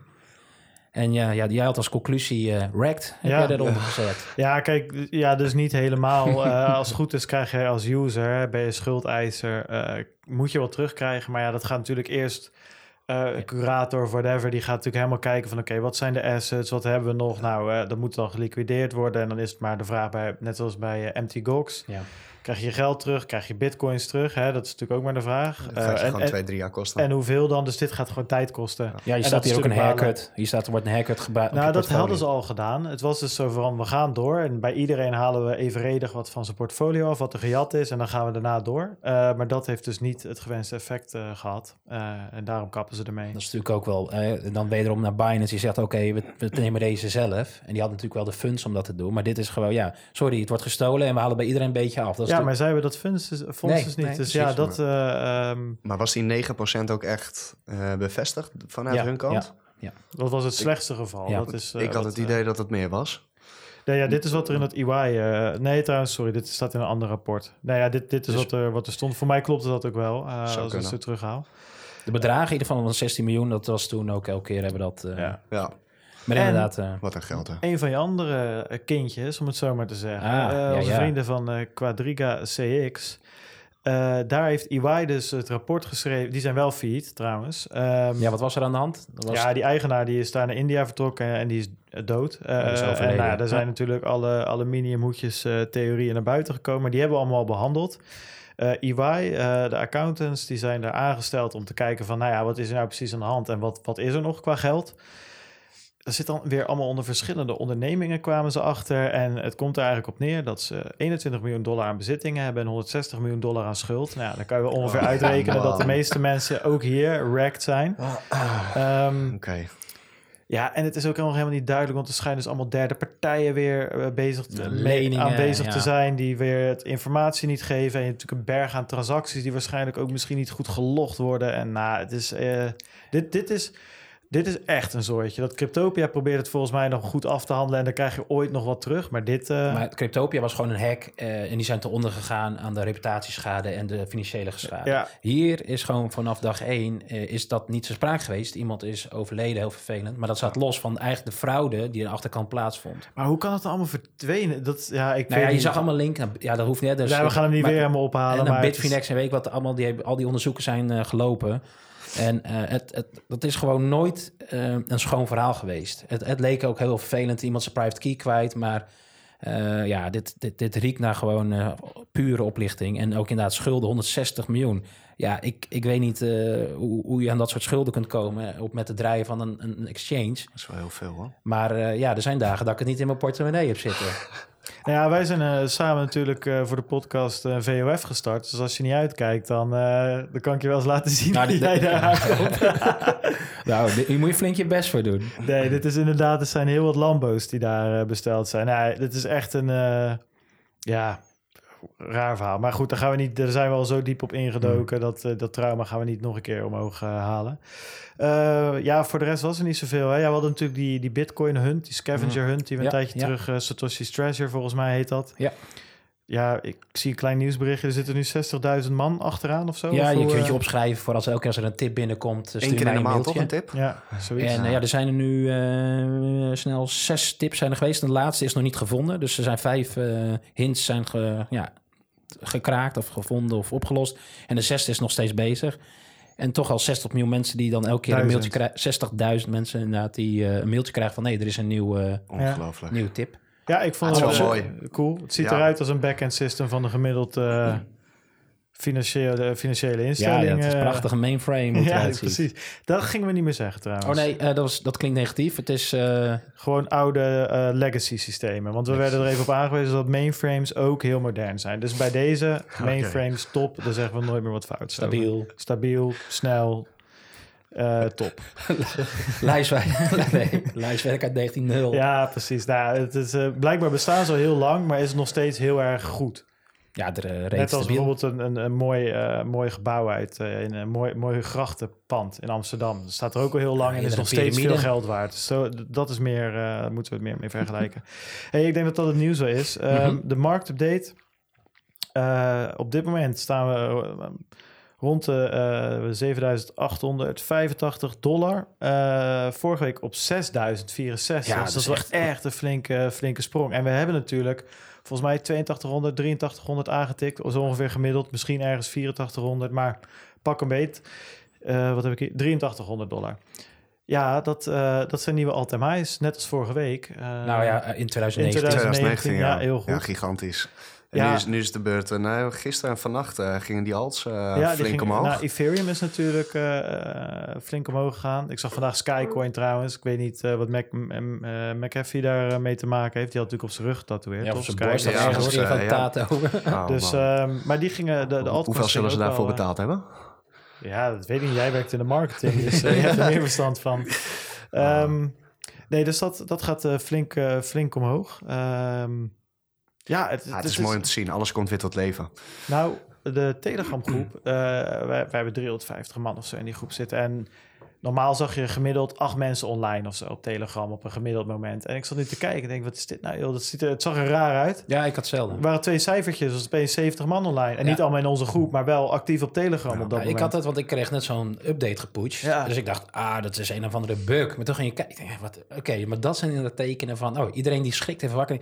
Ik had toch ook nog wat van die, van die, van die dingen liggen. En dan opeens, hey. En we allemaal weer online op Telegram. Dus dat is echt... Uh, de gifjes kunnen, kunnen Het is echt alsof ze een soort van... Uh, gifjes, ja. weet je, oh, jij bent van de gifjes. Je, ja, ja. Je, je, je, hebt toch altijd die, die Tweede Wereldoorlog films en zo, dat op een gegeven moment zo'n uh, zo'n groep met, met, uh, met, met soldaten naar het slagveld gaat, vol goede moed, weet je wel. Dan zitten wij er nog de hele beermarkt meegemaakt als een, als een stel. Ja, de, de, de, de angst zie je nog in onze ogen, zeg maar. Dan komen ze weer. Nou, ik, eh, ik welkom ze Maar goed, dat Ze is het eens zwaluw maakt geen zomer, hè? Dus eh, volgens mij... eh, Nee, maar dit is wel een flinke push Ja, natuurlijk. en het is Ja. een heel goed teken. Je merkte het, eh, ik zei het vorige keer ook al, een, een maand geleden. Je merkt heel erg om ons heen ook en om het platform heen. Mensen komen weer, mensen praten weer positief. Je ziet heel langzaam in de media weer verschillende en ook voorzichtige positieve berichten. Ja. Ja, dat is gewoon mooi. En dan weet je gewoon eh, dat er weer wat staat te gebeuren. Kijk, en ik zeg niet dat we ergens naar de 20.000 gaan, eh, gaan dit jaar. Maar dit is al ontzettend fijn. Nou ja, ik zat te denken, eh, de vorige keer dat we, dat, dat we zo'n ja, euforische sfeer hadden, was ergens in mei 2018. Ja. Toen Bitcoin zo een beetje tegen die 10k aan zat te pushen en toen hadden die alle alts zo'n enorme run naar boven. Ja, van, van, daarna is het uh, kommer en kwel natuurlijk. Ja. ja, is ondertussen echt al lang natuurlijk. Is dit nou de langste... Nou, ja, nu gaan we natuurlijk iets omhoog, maar daarvoor... Ja, dat weet ik niet. De beermarkt Ja. bedoel je? Ja, goed, dat was natuurlijk 3200. Hè? Dat, dat, was, dat punt zijn natuurlijk al lang weer eh, voorbij. Maar Nou, zo lang zijn we nog niet voorbij. Ja, 3200 wel, maar 3800 of zo. Daar hebben we echt... eh, dat, ik heb echt niet zo lang geleden... eh, dat was in december. Volgens mij heb ik nog eh, wat bitcoin gekocht. En dat was op 4200. Toen dacht ik, nou, dat zit wel goed. Want toen waren we van 3200 daar naartoe Oh, gegaan. Ja, ja, ja. En toen daarna zijn we nog gewoon naar 3600 volgens mij gegaan. En... eh, Het lijkt al zo lang geleden. en wat ik nu zo, zo interessant vind, is dat we ook... eh, we hadden natuurlijk heel lang die, die eh, 6300, 6200 support, hè, zeiden we toen. Van, hebben we de bodem gevonden? was mij in, in december een beetje. En toen knalden we daar naar onder, naar 3000. En nu zitten we... Nou, die, die 6000 zijn we doorheen gevlogen. En ik ben benieuwd Ja. of we daar nu ook stabiel boven blijven. Nou, het is nu weer eh lijntjes zoeken. Waar we op blijven Ja, hangen. driehoeken. Driehoek het Daar leggen. zijn wij van. En eh, de RSI. Ja, dat is het enige wat ik naar kijk. de Golden- Golden. Cross, Ja. Golden eh, Cross, en lijnen. Ja. Precies, die geo-driehoek die, eh, die is bij mij weer uit de etui gekomen. sinds, sinds de middelbare school niet gebruikt. Maar ik zit nu driehoeken te tekenen, daar word je helemaal eng van. Oh, mooi. Ehm, nee, maar het is... Het, ik, kijk, weet je... Het is wel grappig. In die bearmarkt is het weer zo... Ja, prijs maakt niet uit. En weet je, daar, daar ben ik ook wel een beetje overheen. Maar het, het, levendige, het eu- euforische... eh, de energie is toch altijd wel weer, weer grappig, weet je wel. Twitter ontploft weer en overal zijn memes. En eh, ja, het is, dat, dat is wel leuk. Ja, De- overal weer het gifjes. positieve, zeg maar. Ja, Ja. ik denk ook wel voor de, ja goed, heel veel mensen, eh, de, de shitcoins, zoals die dan worden genoemd, of in ieder geval de, de alternatieve projecten naast de bitcoin, die, die toevallig nog heel veel holdings hebben, die het overleefd hebben en nog Ethereum of weet ik veel wat voor, voor coins hebben. Die gaan nu kapot. Nou ja, die, nou, ja, nu de prijs weer wat aantrekt, eh, hebben die misschien ook weer wat meer lucht gekregen. Nou ja, en, en waarom we dit natuurlijk ook aanhalen, we kregen net een channel het bericht dat het eh, laatst voor eh, onze Nederlandse blokpoort eh, net iets te laat is. Ja. Ja, ja nee, ik, zie, ik zie even twee dingen. Ja. Eh, Blockport pakken we op. eh, maar ook, eh, jij zegt ze gaan kapot. En jij zegt ze hebben iets meer lucht. Ja, dus... ik, ik merk heel erg om me heen dat mensen nog heel veel coins holden. Mhm. vanuit de hype, zeg Ja, maar. ja. En mensen zitten wel echt te wachten van... oké, die back die gaat op een bepaalde prijs. Als we ook maar eventjes die bullrun, hè, tussen aanhalingstekens, Gaat ingaan... dan gaat die eruit. Ik denk echt dat we nu op een bepaald punt komen. en eigenlijk zien we dat al een half jaar om ons heen... dat heel veel projecten aan het omvallen zijn. Ja, Niet alleen brokers en exchanges, maar ook munten. ja. Weet je, je merkt het niet heel erg omdat je er misschien niet in hebt geïnvesteerd hebt. Maar ze vallen echt om. Ik denk dat de volgende lading echt in de aankomende maanden gaat komen. Ja, nou, Ja, ik ben wel maar benieuwd, En of dat erg is, dat... Ik, wel, misschien ook wel hoor, maar ik heb het echt over de ICO's die een berg aan Ethereums hebben opgehaald. Ja, En die inderdaad Ja. dat niet hebben omgezegd naar cash. En eigenlijk de hele de, de, de weg naar beneden, die, die, die sterk aan Ethereums deels hebben verkocht. Maar nog heel veel hebben. En die toevallig heel veel hebben. Nou, op een gegeven moment is Ethereum 80 dollar of zo, weet je. Ja, dan zit je toch even te zweten. En nu dat weer bijna drie keer zoveel is, ja ben ik kan me ook wel eens. voorstellen dat je denkt van... Geef Ja, wat dus- lucht, geef wat hoop en we gaan door. Of we hebben misschien ruimte om weer een, developer bij te nemen. Ja, nee, daar ben ik absoluut met je eens. Zijn Maar eigenlijk, eigenlijk twee dingen. Dus je hebt backholders, gewoon retail investors... die op een gegeven moment zeggen van... nou, als deze coin ooit nog break-even komt... dan smijt ik die back zo hard het raam uit... dat ik ze nooit meer zie. En je hebt die project, diezelfde projecten... Ja. Ja. die maakt geen, eigenlijk natuurlijk geen zak uit... of jij die coins hold, ja of nee. Want zij hebben die investment al binnen in Ethereum. En als dat meer waard wordt... ja, dan krijgen zij meer runway. En hopelijk... Ja, het ligt eraan wat voor project het is. Maar als het goede projecten zijn, hè, dan, dan zou het eh, slim zijn om daar wat meer van te verkopen. En dat is naar, naar jouw point. We kregen natuurlijk net het Ja. bericht eh, binnen een blogpost van, eh, van Blockport. ja, ja. Even voor duidelijkheid, Blockport is een Nederlandse ICO. Eh, die wilden een, eh, een soort van social exchange starten. Dat was hun eerste idee. Eh, en daar een beetje Coin, ja, een beetje Coinbase van Nederland. Hè. Ze zag het er een beetje uit qua, qua look en feel. Maar volgens mij kon ik dan, jij zegt social, maar als jij heel succesvolle trader was, kon ik eigenlijk jouw strategie heel Ja, eenvoudig weet je wat je op? TradingView ziet? Hè, waar al die, eh, al die traders zitten waar je mensen kan volgen. Dat was hier geïntegreerd in het platform. Dat ja, was een van de ideeën die ze hebben, hadden.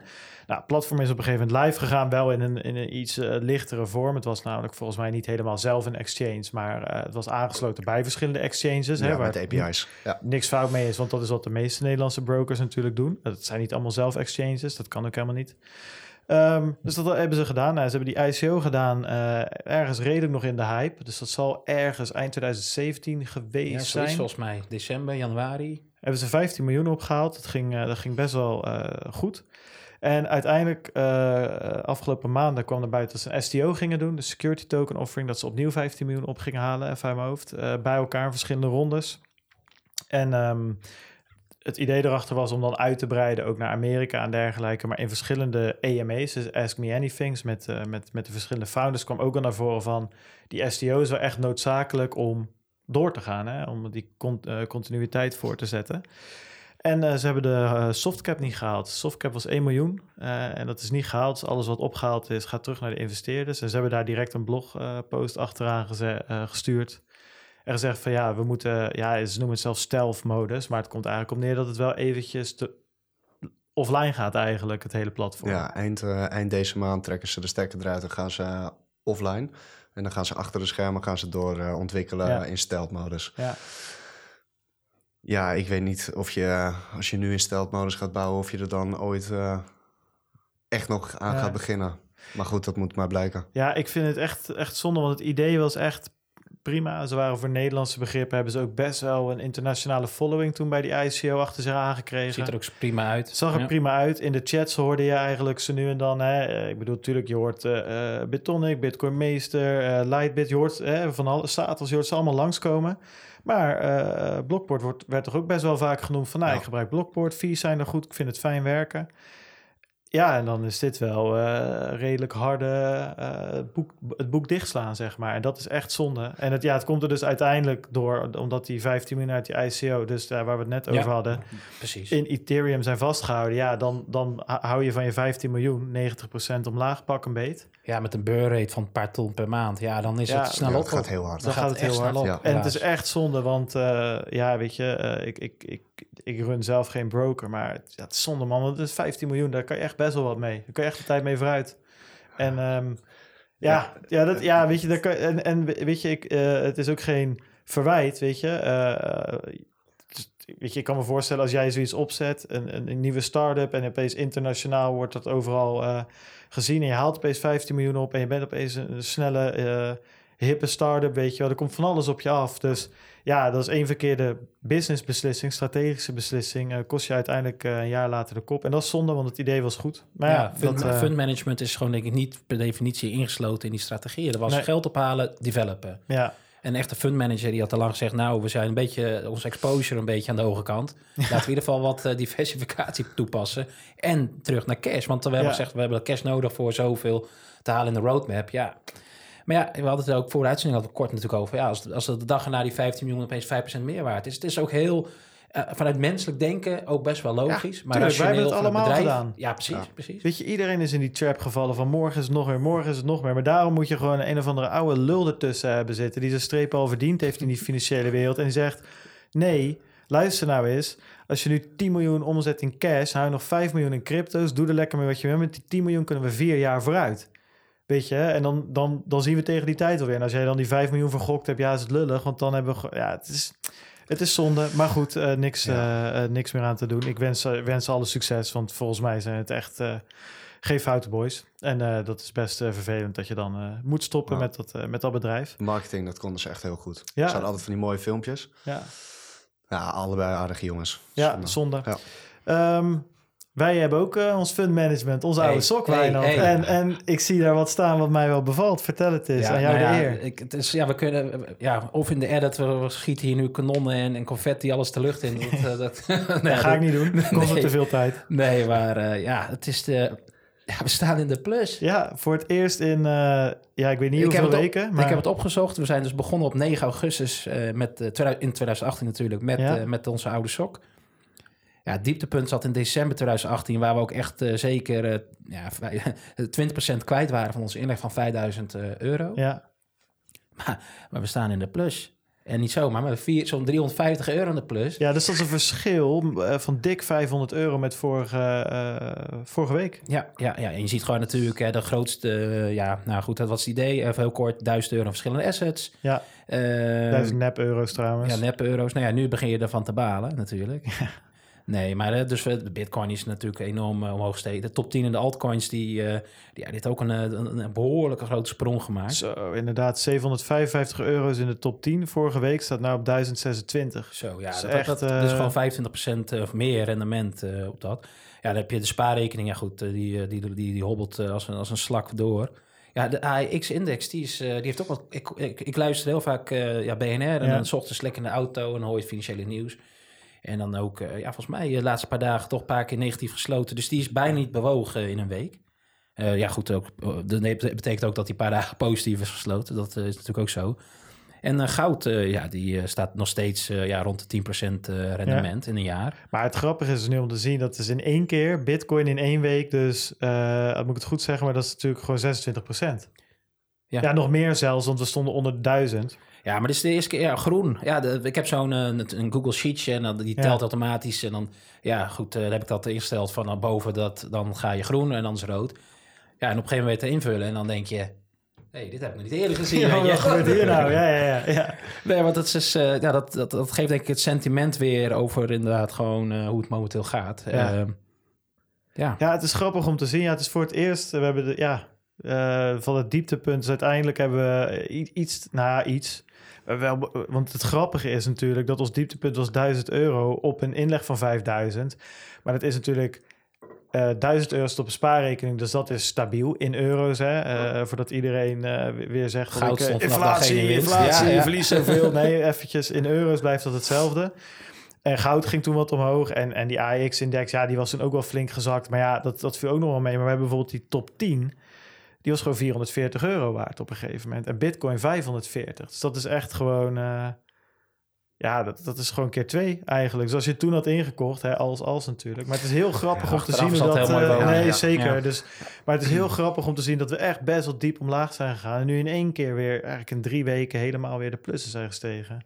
Nee, je zegt wel als als, maar het is toch wel grappig dat heel veel mensen toch nog wel roepen van, weet je, je moet nu kopen op het moment, dus een paar maanden geleden, toen je echt gewoon in de beermarkt zit, ja. geen uh, nieuws werd verspreid, dat het, het sentiment er niet was. En nu ga je omhoog. Ja, nu zijn mensen volop te, weer aan het induiken. En dan, FOMO. Uh, ja. ja, FOMO. Ja. Maar dan zeg je dus van ja, had drie maanden geleden dan ingestapt toen ik het en zei. Het blijft interessant om, om dat te zien. Want ja, ik heb het toen dus, uh, dus gedaan. Ik heb toen, ja, weet ik veel, het was niet, niet heel veel of zo, maar wel wat bit, of nou, niet wat bitcoin, half bitcoin of zo, of één bitcoin. Ik weet niet meer. Iets in die richting gekocht. En dat voelde toch een beetje, weet je, het is toch dat je denkt van ja, dit is wel het moment. Uh, was uh, wel 3800 euro of zo, dat je, of dollar, dat je denkt van ja, dit, al, als ik erin geloof, dan is dit wel het moment om zeg maar uh, dat te laten zien. Maar het voelde aan alle kanten dat ik denk van nou, weet je, dit zal ook alweer kwijtraken. Ja, Net als de rest, weet je wel. En ja, en, en dan zit je nu twee maanden verder. En nu, nu is het inderdaad weer in één keer die FOMO van... nou, weet je, bitcoin, dat, dat gaat dan wel weer... Het is heel raar wat je in je, in je kopje omgaat in ieder geval. Dat, uh, dat weet ik wel. Emotionele rollercoaster. Ja, Zijn we toch menselijk, Bart? Ja, ja, ja, ja, ja. Uh, zeker, dat blijkt dan uiteindelijk toch maar wel. Um, ja, nee, dus dat ja, is het. Ja, ja, het is denk, heel positief. Uh, Ik, weet, week, ik, ik, weet, ik ben er stil van, Wijnand. Ik, weet niet wat ik ervan uh, van moet zeggen. Onze virtuele portfolio. Ja, hoeveel maanden zitten we dan? Dan zitten we ik, vijf en een half, vier. Dat is gewoon bijna, bijna negen maanden hebben we daarover gedaan. Nou, om weer in de plus te komen. Ja, ja.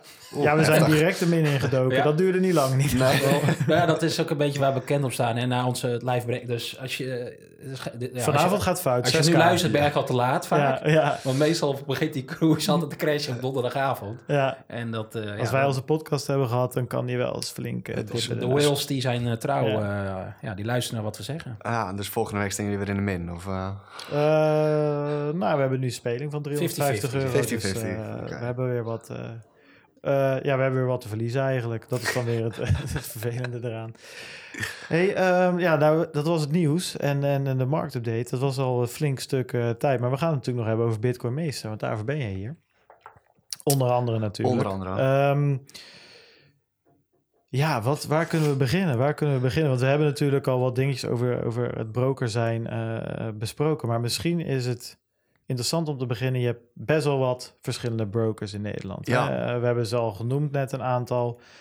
En jullie zijn er één van. En, en hoe zijn jullie anders? Wat, is, wat maakt jullie volgens jullie uniek? Wat maakt... Oh, oké. Of wat maakt jullie uniek eigenlijk? Wat maakt ons uniek? Ja. Nou, sowieso eh, zijn wij wel eh, eh, heel goed aan de prijs. Eh, Ja. Want je hebt best wel veel brokers hier in Nederland. En dan staan we echt altijd wel in de top 3, top 2 met bitcoin en altcoins. Dus dan heb je het over de fees die jullie... eh, Ja, de totale eh, Ja, hoeveelheid die je krijgt Ja. voor een bepaald bedrag. precies. Ehm, we hebben de any-to-any eh, trade. Eh, dat houdt in dat je iedere munt tegen elkaar kan swappen. Dus als jij Verge hebt en je wil naar Litecoin, kan je direct tegen elkaar omzetten. En je hoeft niet eerst naar BTC of naar euro's. Nou ja, daar waren we de eerste mee. Ik geloof dat we nu niet meer helemaal de enige zijn. Ehm, ja, en waar wij wel uniek in zijn, is de buy orders en stoplosses. Kijk, ik beschrijf het altijd als we zijn een broker, maar we hebben echt wel exchange ambities. Ja. En dat is niet om een exchange te gaan bouwen ook daadwerkelijk, maar wel al de functies ervan. En daar willen we gewoon heel graag heen en daar blijven we ons continu gewoon in, eh, in verbeteren. Ja. Ja, maar je hebt dus niet echt een, een inzicht in een ordeboek, als ik dat even Nee. snel op jullie website- eh, website. Maar je kunt dus, als ik bij, bij jullie eh, een bitcoin heb staan en er gaat opeens 10% omlaag en ik heb ingesteld, dan moet die verkocht worden. Dan ah, doen jullie dat in jullie systeem eigenlijk automatisch Ja, voor mij. dat is gewoon automatisch. Dus is dat, dat is een stoploss inderdaad. Ja. Ja, dat is hoe- hetzelfde als op een exchange. Ja. Op een Binance of... eh, Ja, dus eigenlijk, ja, oké. dus je pakt eigenlijk de, de handige punt van Exchange en biedt dat aan in een meer broker Ja, platform. klopt, ja. Ja, want misschien is het, is het goed om daar ook even eh, voor alle luisteraars ook ehm, eh, te. Want wat, wat, wat eh, is nou eigenlijk jullie meerwaarde hè, voor een gemiddelde Nederlander, om Ja. het zo maar even te zeggen, ten opzichte van zo'n Coinbase of Ja. Binance, Kraken, noem ze maar op? Nou ja, dat is eigenlijk heel simpel. Eh, eh, mensen willen een stukje veiligheid. Ja, we zijn een Nederlands bedrijf. De eigenaren staan met name en toename op de website. Ons adres staat op de website. Iedereen weet ons te vinden. Nou goed, dat is ook wat ik in zeven maanden, of wat wij in zeven maanden hebben opgebouwd. Eh, zeker laatst om heel dicht bij de community te staan. ja. Eh, eigen Telegram groepje, maar ook eh, het live support dat we bieden met telefoon, chat, Facebook. Ja, je kan op ons alle manieren bereiken. En het mooiste is van ons platform is dat als je een account aanmaakt, je, je KYC doorloopt, je stort euro's en je kan direct met je euro's kan je, je verschillende cryptocurrency kopen. ja.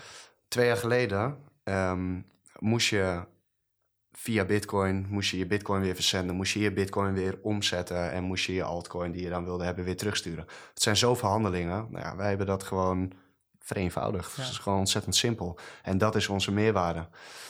Buiten het feit dat mensen willen ook gewoon kunnen instappen en het lekker laten staan. Ehm, wij hanteren zelf een 95% cold storage. Ehm, dat houdt in dat, je, dat we 95% offline bewaren. ja. Dus mochten we ooit een keer gehackt worden, hè, we hebben het nu gezien bij Binance, het is altijd mogelijk. Ja. Eh, we doen er alles aan om het tegen te gaan. Maar goed, dan zijn we eventueel 5% kwijt. Nou goed, die hebben we ook gedekt. Ja. Ehm, net zoals Binance had.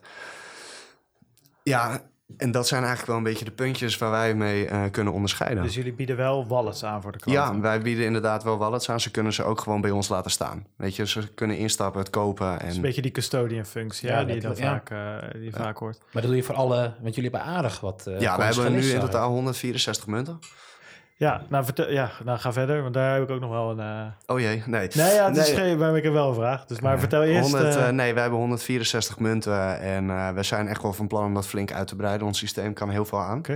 En we zijn nog lang niet klaar, dus we zoeken naar nog wat leuke projecten. Maar daar bieden jullie voor al die munten dus een cold storage aan Ja. zelf, zeg Ja, maar. hè? Die hebben jullie dan ook zelf, eh, zelf staan. Op, op, het, ja, op een server ergens of zo. Maar dat... Eh, hoe dat precies in zijn werk gaat, dat, eh, daar ga ik geen... Nee, eh, nee, geen nee, dat snap ik. ja. Maar het is bij ons, ik, ik heb al vaker de vraag gekregen, zeker na het verhaal van de Canadese exchange. Dat is bij ons wel echt ontzettend goed geregeld. Buiten Ja. het feit dat cold storage gewoon goed geregeld is, zijn er ook wat.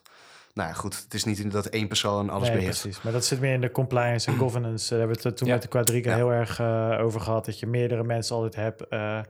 die bij die cold storage kunnen. Of alleen samen eigenlijk. Hè? Dus dat je... Ja, het, uh, Ja. het vier ogen principe of het zes ogen principe, zoals dat ook in de precies. traditionele wereld. Dus dat je multisig dingen Ja, nou, het enige wat ik vorige keer ook wel heb verklapt... is dat eh, het ligt ook in een bepaalde kluis... waarbij allebei de eigenaren nodig zijn om überhaupt te kunnen Nee, openen. precies, Ja, maar dat zijn, ja, dat zijn, ja. dat zijn, dat, nou ja, ja, dat, dat die- hebben wij. ja, die dingen, of in ieder geval die procedures zijn natuurlijk zijn oudste weg eh, naar Rome. Ik bedoel, Ja. eh, ik vergelijk het altijd met die, met die nuclear eh, codes eh, in Amerika. Dus als een president kernbommen wil versturen, zeg maar, dan moet er ook eh, de eh, minister van Defensie bij en nog iemand anders. En die moeten allemaal eh, een code invoeren, dan nog met een vingerafdruk tegelijk drukken. Dus niemand kan het in zijn eentje doen, zeg Ja. maar.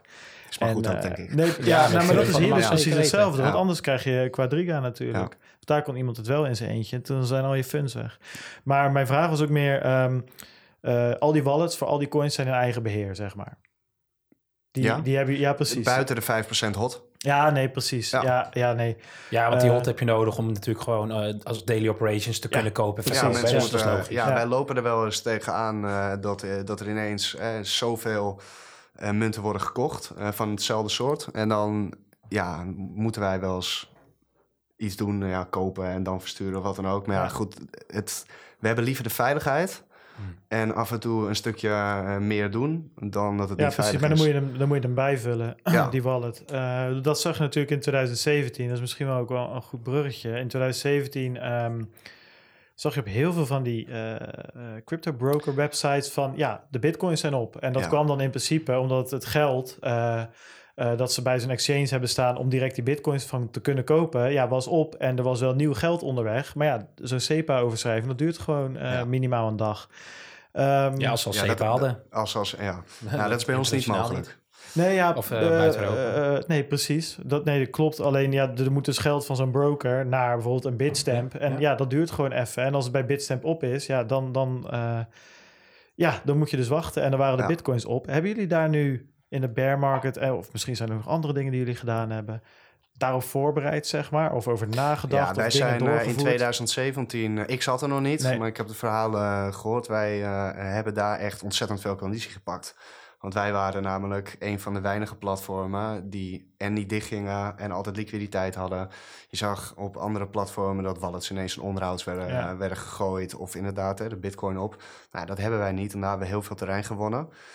Ehm, en wij hebben wel een heel mooi systeem aan de achterkant dat wij in ieder geval nooit uit coins raken. Ja. En hoe, hoe hebben jullie dat dan ervaren? Want die vraag wel vaak gesteld. Hè? Van oké, inderdaad, eh, het was een soort euforie die oneindig was. Hè? De sky is the limit. En eh, ja, de, bij elke dag schoot er dan denk ik een, kurk af van de champagne, want weer een, een target gehaald. Hè? Ja. Ik zeg maar even, ik maak het over. En opeens duik je in die, in die markt waar eigenlijk het sentiment negatief is. Mensen verliezen vertrouwen. Mensen denken, ah, ik verkoop die, ik verkoop die rotzooi maar gewoon. Ja. En, en nu, hè, nu hebben we weer prikken van, hey, is dit dan weer de boel? Maar hoe heb, kijk, ik snap dat je niet heet hij betrokken bent, maar hoe hebben jullie dat dan doorleefd? En hebben jullie daardoor ook misschien eh, dingen aangepast, ook richting de toekomst? Ja. Ja, de, wij, eh, deze vraag die, eh, die krijg ik in principe ja, redelijk vaak. Oh, nou, Ehm, dan gaat het als je naar tijdsprijs ja, nee. nee. We wel maar het is een-. Maar goed, we hebben hier heel veel andere vragen. nee, het, het, het is natuurlijk ook een logische vraag, want eh, je ziet het gevolg nu. Collega's van Blockport vallen om, Cryptopia valt om. Nou Goed, of het nou een hack of faillissement is. Wij hebben de beermarkt zelf net even iets anders ervaren. Wij, eh, eh, ik ben daar zeven, acht maanden geleden gekomen. eh, en natuurlijk merk je wel dat het rustiger wordt. Alleen wij hebben eigenlijk ja, de laatste half jaar alleen maar een stijgende lijn omhoog gehad. Zelfs toen we nog richting de 3200 gingen. Ja. Ehm, ja, en dat, we zijn eigenlijk heel snel van een relatief onbekend platform naar nu gewoon de top in Nederland. En dat durf ik ook echt hardop Ja. te zeggen. Want wij kunnen bepaalde, nou, iedereen kan op CoinMarketCap kijken natuurlijk. Nou, en die laten we gewoon achter ons aan Ja. Nederlandse platformen. Ja.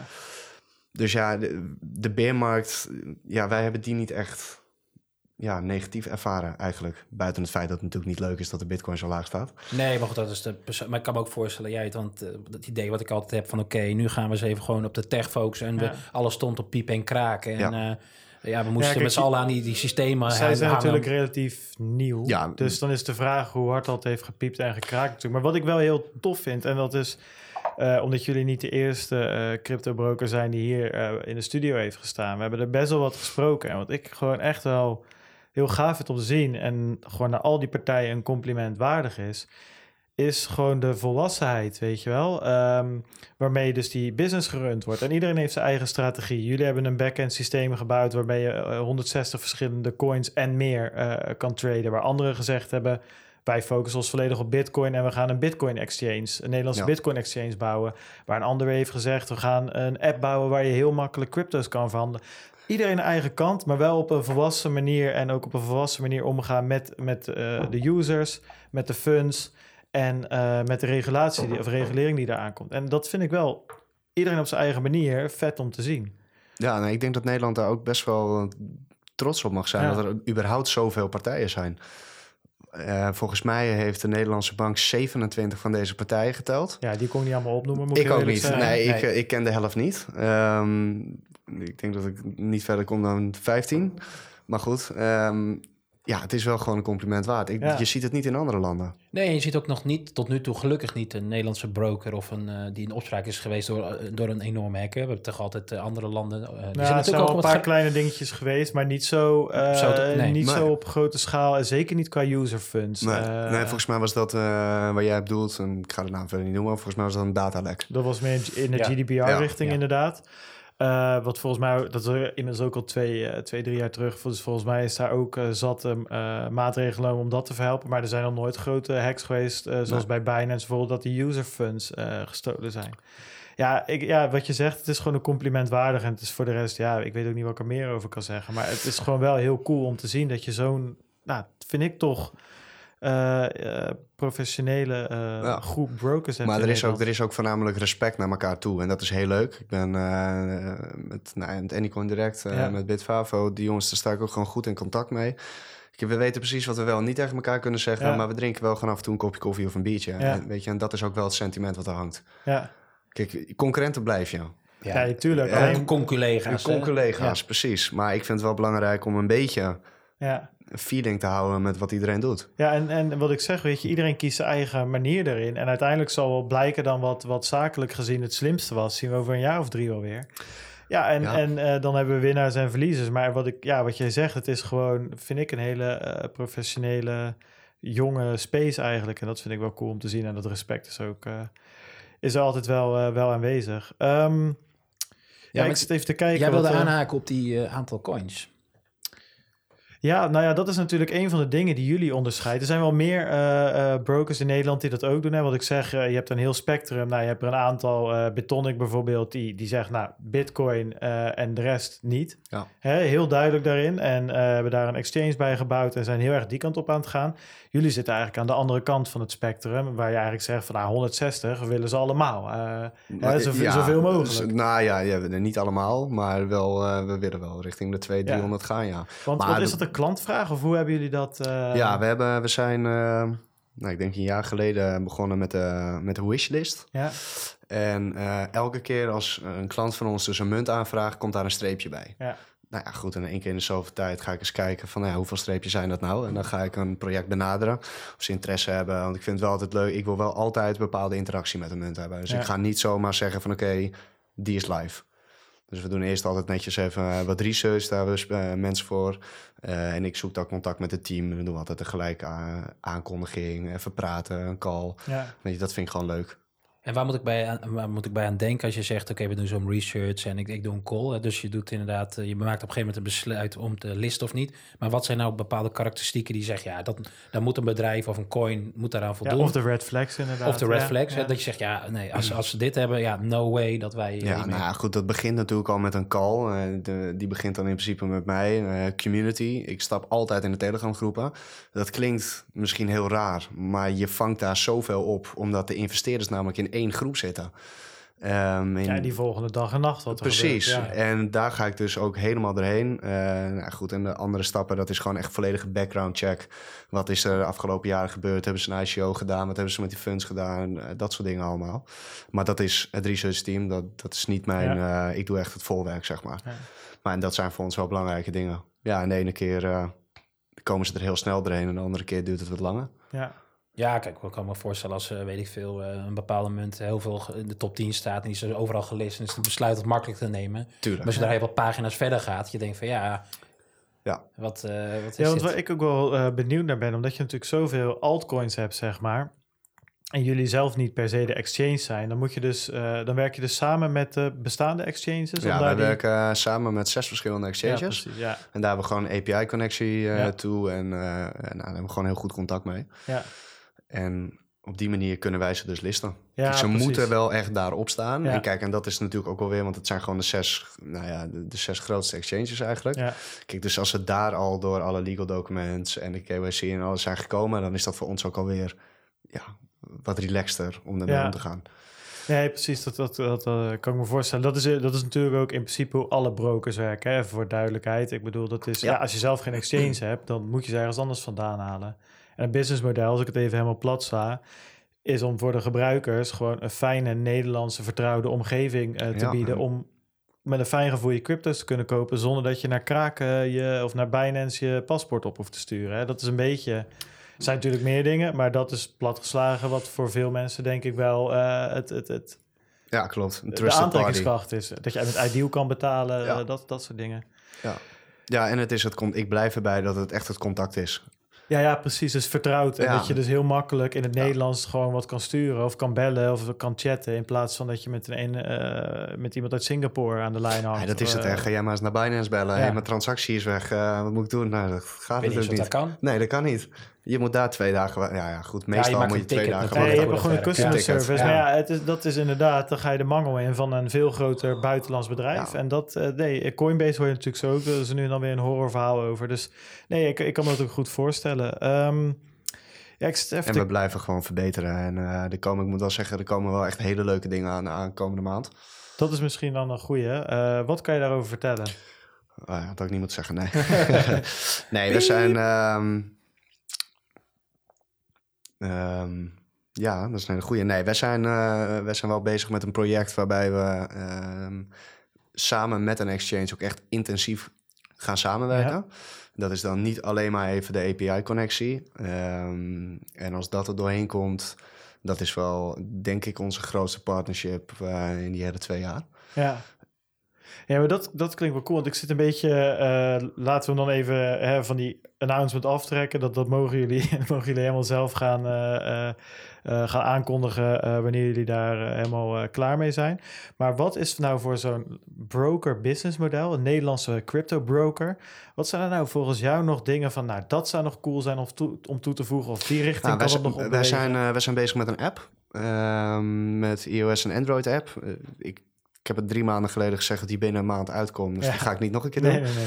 nee. Ehm, maar die komt, die, we zijn echt heel dichtbij op Ja. release. En eh, ja, dat, dat vereenvoudigt het zo erg. Je, je kan op pad en je hebt de website helemaal niet meer nodig.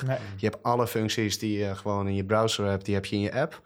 Ehm, dus dat gaat ons wel echt een heel groot voordeel opleveren, denk ik. En dat is ook gewoon heel fijn voor de users. Ja. Gewoon even snel te schakelen. Kijk, we hebben die fee. Als jij gewoon in het hoogste VIP-level zit, dan betaal je nog maar 0,25% fee. Ja. Dus we hebben niet alleen de investeerders, maar ook de traders die zitten bij ons. Ehm, ja, en als je dat op je mobiel kan doen, dat is top. Ja, nee, zeker. Want ik zat toevallig gisteren, hè, en die, omdat je die VIP-levels nu noemt, eh, eh, CZ, eh, CZ, ik, ik, hij moet zijn naam veranderen Ja, naar iets wat gewoon ergens op slaat eh, in, het, eh, in het Nederlands. Anyway, die had natuurlijk gezegd van, joh, voor alle inconvenience gaan we een eh, Binance Coin giveaway doen. En, eh, maar Ja. alle VIP's gaan ook een VIP-level hoger. Dus gingen ze even kijken. Gaat op VIP level 12 of zo. Dus nou, dat, dat, dat zijn de, de brokers in principe. Want dat handelt niemand in retail bij elkaar.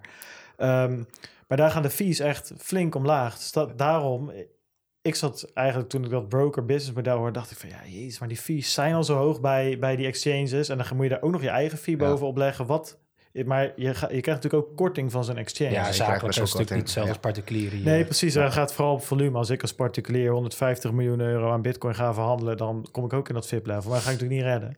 Net niet. Of één VIP-leveltje eronder misschien. Nee, maar dat is natuurlijk wel... eh, dat helpt natuurlijk wel. Als je dat allemaal clustert, dan... eh, dan Ja, als je bovenop het normale fee-systeem zou gaan moeten handelen, dan zou natuurlijk helemaal niemand bij ons eh, Nee, iets kopen of verkopen, denk ik. nee, nee, precies. Ik vond het wel interessant om te zien. Dat kwam, eh, ik weet niet, ik las het gisteren in een of andere eh, Telegram eh, chat dat het ook elke keer een beetje eh, verwisselt tussen de brokers wie er nou het goedkoopste is. En de een die een paar maanden geleden goedkoopste, goedkoper was, dat er nu wel Ja, boven. klopt. Dus dat, eh, Klopt. Wij ehm, eh, hebben onze API zeg maar vast. Dus daar, daar gebeurt nooit iets mee. Er zijn er ook een aantal die zeg maar, af en toe met de fees een beetje sleutelen. Ja. En dat op het moment als het rustig is, dan doen ze hem naar beneden. Eh, en als het drukker is, dan gaan ze omhoog. Ja. Maar hij is gewoon... eh, ik, het is ook voor de rest niks negatiefs. Het is gewoon Nee, goede ja, dat marketing. mag, ja, dat is dat is, business. dat dat ja, doen, ze ja, gewoon, eh, dat doen ze gewoon slim. Alleen daardoor zie je dus inderdaad elke keer verspringingen. Dat, eh, Ja. En het is ook natuurlijk, eh, heeft ook te maken met welke exchange je bent aangesloten. Ja, Want dat is natuurlijk ook Ja, zo. welke afspraken maken. Ja. Dit is natuurlijk gewoon eh, ja, ondernemen, eh, puur zang. Ja. ja, dan mag iedereen zelf weten hoe ze dat doen. Ja, Eh, en wat dus, ik trouwens wel mag vertellen is dat we, we zijn bezig met een nieuwe trading engine. eh, mhm. Dat is wel echt ontzettend cool. Ehm, dan gaat onze trading engine die gaat aan de achterkant eens kijken wat, waar de goedkoopste plukjes vandaan getrokken kan, eh, kunnen worden. Dus die gaat in één keer al die zes API's vergelijken. Dus als jij bijvoorbeeld een order van 10.000 euro inlegt, dan ben jij 99 van de 100 keer goedkoper uit bij ons dan bij Binance. Ja. Waarom? Omdat je daar 10.000 euro in één keer in het orderboek gooit. Eh, nou doet dat niet veel, maar goed. Ehm, maar 10.000 euro bij ons, die verspreidt hij dus over die zes exchanges en die haalt hij dan terug. Dus dan zijn wij gewoon een stuk goedkoper. Ja, dat is een echt soort heel van cool. arbitrage element zit erin. Dus dat je gaat kijken, ik heb zes exchanges. Ja, ja, het ja. is hier het goedkoopste, dan pluk ik hier het eerste weg en daarna is die het goedkoopste en pluk ik daar wat weg. Ja, arbitrage ook toch dat je het Nee, verkoopt arbitrage is koop en verkoop eh, in dat rondje. Dat, ja, dat is niet klopt, wat we maar doen. wel op... Nee, dat, nee dat, dat snap ik, maar daarom zeg ik, het heeft iets, iets van weg. Omdat je daar wel tussen exchanges gaat kijken, er zijn prijsverschillen, zeg maar. En Ja, nu zoals- kijk je ook tussen die zes exchanges, er zijn prijsverschillen. Dus je pakt eerst voor, in, jou, in, in dit voorbeeld misschien 4000 euro op exchange A... Dan is daar dat orderboek weer duurder en, en verschuift die eh, eh, tussen die zes. En dan ga je naar Exchange B. Daar pak je 2000 en dan bij de volgende 1000. En Ja, precies. Dus zo werkt Ja, het dus eigenlijk heb je gewoon een algoritme die die orderboeks Ja. gewoon slim uitleest. Ja, en, ja, eh, precies. ja, dat Nou ja, uitsmeert. Ja, en wij zijn nu al redelijk goedkoop en daardoor zullen we dus echt nog, nog een stuk goedkoper worden. Want dan gaan wij, als dat loopt, en dat heeft wel even nodig om te testen Ja, ja, en dat ja, soort tuurlijk. dingen, maar dan gaan we de fees ook weer verlagen. Oké, cool. Maar dat heeft geen impact op de doorlooptijd. Dat gaat gewoon allemaal instant. Nee, dat gaat allemaal instant, ja. Ja. Die is echt zo gebouwd. Daar zijn ze al heel lang eh, aan, eh, aan het bouwen en dat is, eh, ja, dat komt ook heel snel live. Ja, en ook qua de, ik denk dat jij bedoelt qua order. Dus als ik dan die order inleg, dat het direct net zo snel uitgevoerd zou worden als dat ik op één exchange. Ja. Oké. Ja. Ja. cool. Klinkt, klinkt. Ja, dat zijn wel dingen waarvan ik denk van, nou, weet je, ik had nou, anderhalf jaar geleden, jaar geleden, toen daar hebben wij wel eens over gehad van, joh, die brokers, hè, wat. Als iedereen een beetje gewend is en, eh, en in die crypto-wereld zit, dan heb je zoiets van: ik kan ook met Ideal naar Coinbase betalen, of ik gebruik mijn creditcard wel, of whatever, weet je. En dan zie je dat die fees daar misschien lager zijn dan bij sommige brokers. En mensen die gaan dan wel gewoon naar kraken of whatever. Hè? Ja. Eh, dus wat is het bestaansrecht nog? En met dit soort dingen denk ik wel, ik weet niet hoe jij erover denkt, Wijnand, maar ik heb wel zoiets van ja. Een handige app hier, eh, een toffe ex Nederlandse exchange daar. En de ander die doet zus en dan die doet zo. En dan weer zo'n trading engine. Denk van ja, dat zijn wel Contact. dingen die... Ja, dat eh, zijn de dingen, maar je moet. Als je nu blijft hangen, Ja. eh, dan ga je het gewoon niet redden. En ik had Die markt die, gaat zo snel. die grindtrui toen gekocht, weet je nog? En toen moest ik, wilde ik met Monero betalen. Dat had ik nog nooit gedaan, dus dan moest je dan kopen. En eh, toen dacht ik, ik ga direct even het KYC-proces testen. Dus ik had daar een nickname en allemaal wat foutjes gemaakt. Ja, maar de- bij een Nederlandse broker. bij een? Nederlandse Ja, ja. broker. En eh, dat had ik s'avonds gedaan. Ik denk, oké, ehm, ik had eigenlijk op kunnen rekenen, maar dat betekent dat het proces vastzit. Dus geen grindtrui voor mij. Ja. Dus toen heb ik direct, eh, dag daarna direct gebeld of gemaild of gecontact. Ik weet het niet eens meer. Volgens mij gebeld. Ja, en dan heb je ook binnen vijf minuten, had ik mijn transactie was gelukt. Het was direct de oorzaak en de, de trui, die bestelde ik niet eh, kort daarna. Ja. En dat is wel, dus ik hoef, dat, toen dacht ik wel van ja, daar zit een meerwaarde in voor Ja. mensen, no hassle. En als je dan kijkt, al stel dat het dan 0,001% duurder is dan een Binance. Ja, voor mij kan het een verschil maken, omdat ik toch daar al zit en weet hoe het moet. Maar ik vond dit ook wel heel erg Ja. makkelijk. Maar je moet ook nog een keer ooit, als het goed is of niet, maar uitcashen. Weet Je, het is natuurlijk niet. Nee, maar. Nee, ja, ik snap wat je zegt. Ooit. Ik snap Kijk, wat je mensen, het is niet alleen het kopen. Mensen gaan ook uitstappen. Kijk, sommige mensen die zijn blij met 1000 euro winst en die stappen er weer uit. Maar dat moet ook ergens. Ja, je, je hebt ook gelijk. Ik weet je wat het is. Ik ben, als ik er zo over nadenk, echt een, een luie hond eigenlijk. Want ik ben gewoon Oh, ooit... Nee, maar ik ben... Kijk, wij zijn niet vroeg ingestapt, maar weet ik, midden 2017, zeg maar. En toen eh, waren alle crypto brokers nog niet zo ver als dat ze nu waren. Hè, dat is denk ik wel duidelijk. Coinbase daarentegen had gewoon een hele mooie app. Is En ja, weet je, ik heb er één keer mijn creditcard ingevuld. En het is nu als ik eh, last van FOMO krijg of zo. En ik zie van, oké, dit... Nu heb ik zoiets, dan, het, ik ben nogal impulsief wat dat betreft. Denk, oké, ik ben eruit, ik wil nu een bitcoin kopen. Dus ik wil niet een SEPA-betaling overmaken, ik wil het niet morgen, ik wil niet naar een website, ik wil het nu kopen. Bij Coinbase ga ik erheen, klik, klik, klik en ik heb het. Dus zo'n mobile app, dat ze, als er een goede mobile app is voor een van die, van die brokers, dan heb ik wel zoiets van, als die fee, want die, fee- ik betaal maar blauw aan fees. Op een halve bitcoin betaal je Ja, die 80 euro of zo. zijn. Ja, Ja, dus creditcard, 3,5 procent. Ja. Maar ja, wat ik zeg, ik ben gewoon echt aardslui wat dat betreft. En ik wil het instant hebben. Dus als ja, een Nederlandse broker dat aan kan bieden... gewoon met Ideal betalen, direct naar mijn ING-app... Af, aftikken tegen een normale fee... ja, dan, dan, dan ben ik over. Dan ben ik om. Nou, als hij uit is, dan zou ik het leuk vinden als jij hem dan test. Ja, nou is goed. Deal. Gaan we doen. deal. Ja, ja, Top. Vet, lachen. Ja, ehm, nou ja, dan hebben we eigenlijk onze laatste vraag een beetje gehad. Dat is, wat kunnen we verwachten? Nou, van alles. Dat, eh, ik, eh, ik kijk er wel naar uit. eh, zeker om, om een tester te zijn. Ik Ja. ben veel dingen geweest in mijn leven. Maar software testen, dat was er nog niet eentje van. Ja, auditor. Dus ja, wie weet Ja, helpt dat een beetje. ik hou jullie zeker op de hoogte, dat is beloofd. Ja, nou ja, cool. Je zit al in de groep volgens mij, of nog niet? Ja, zeker. Ja, Ja, ja, ja. nou, dus mensen kunnen vragen stellen. Eh, nou ja, eh, schiet hem even aan eh, als je, als je nog, wat, nog wat wil weten. Graag, erg leuk. Ehm, ja, we hebben hier even wat dingetjes opgeschreven. Nou, Bitcoin Meester kan je natuurlijk vinden op www.bitcoinmeester.nl of at bitcoin underscore meester op Twitter. Je eigen Twitter-handle, als je die nog wil vernoemen. Ja, dat is Dutch laagstreepje Christian. Ja, nou, heel simpel. Heel simpel. Ja, Dan is het meteen duidelijk over welke Christian je het hebt. Niet over de Russische, Spaanse, de Nederlandse Christian. Ehm, vinden jullie deze podcast leuk? Eh, join onze Telegram groep. Volg ons op Twitter. De links kun je vinden op www.satoshiradio.nl. En je kan ons ook steunen. eh, zie je, deze moeten we nog even aanpassen. Je kan ons ook steunen via alle verschillende dingen die gewoon op de website eh, vermeld staan. De tweet, de giveaway bijna. Die was al bijna weer vergeten. Maar ik wil die gore nasmaak toch nog even eh, goed er doorheen gooien. Die gaat online komen. Eh, dus eh, nou ja, like en share. Ja, ik krijg het niet, ik krijg het niet uit mijn mond. Maar ga, ga het doen. ik ben blij dat jij het doet en dat ik het niet hoef te doen. ja, ja, ik heb gewoon te veel van die dingen liggen, dus ze moeten eruit. Dus die komt eruit en iedereen die gedoneerd heeft, gesteund heeft en actief is in de Telegram groep. Dus Mm. echt weer, dat trekt ook weer aan. Leuk om te zien, goede discussies. Thanks daarvoor. Chris, Wijnand, weer bedankt. Wijnand, ja, dit is de afscheid. Ik sta hier met Nee, tranen in mijn Ja, ogen. maar afscheid maakt, dat klinkt zo definitief. We gaan volgende week gewoon knallen. Ja, dat weet ik, maar dan sta ik toch tegen een lege muur aan te kijken hier. Dat, Ik dat- kan, dat ja, nou, ik doet kan hier... eh, misschien ik ga wel- een scherm neerzetten of zo. Dat ja, ik kan we- toch op dit scherm? Ja, dat is wel een goeie. Laten we dat gewoon Of in ieder geval, dan sprint ik wel, stuur ik wel een foto deze kant op. En dan groot, print je uit. groot pop hier, kartonnen Nou ja, zo groot is die pop er niet. Maar Ja, ja, zeker. Nou, in ieder geval hartstikke veel plezier in Zwitserland. En eh, nou, we gaan gewoon door, dus dat eh, komt helemaal goed. Toch? ja, de- Ja, stel me even gerust. eh jeetje, Natuurlijk komt het goed. Ik, eh, ik, ik- wat denk je? Ik, ik land eh, maandag eh, direct die alle spullen uitpakken, microfoon op een bureau schroeven en eh, ik ga gewoon door. Oké, top. Nou, dat gaat helemaal goed komen dan. Nou, dan eh, eh, bedank ik jullie allemaal voor het luisteren en eh, graag tot volgende week. Adios.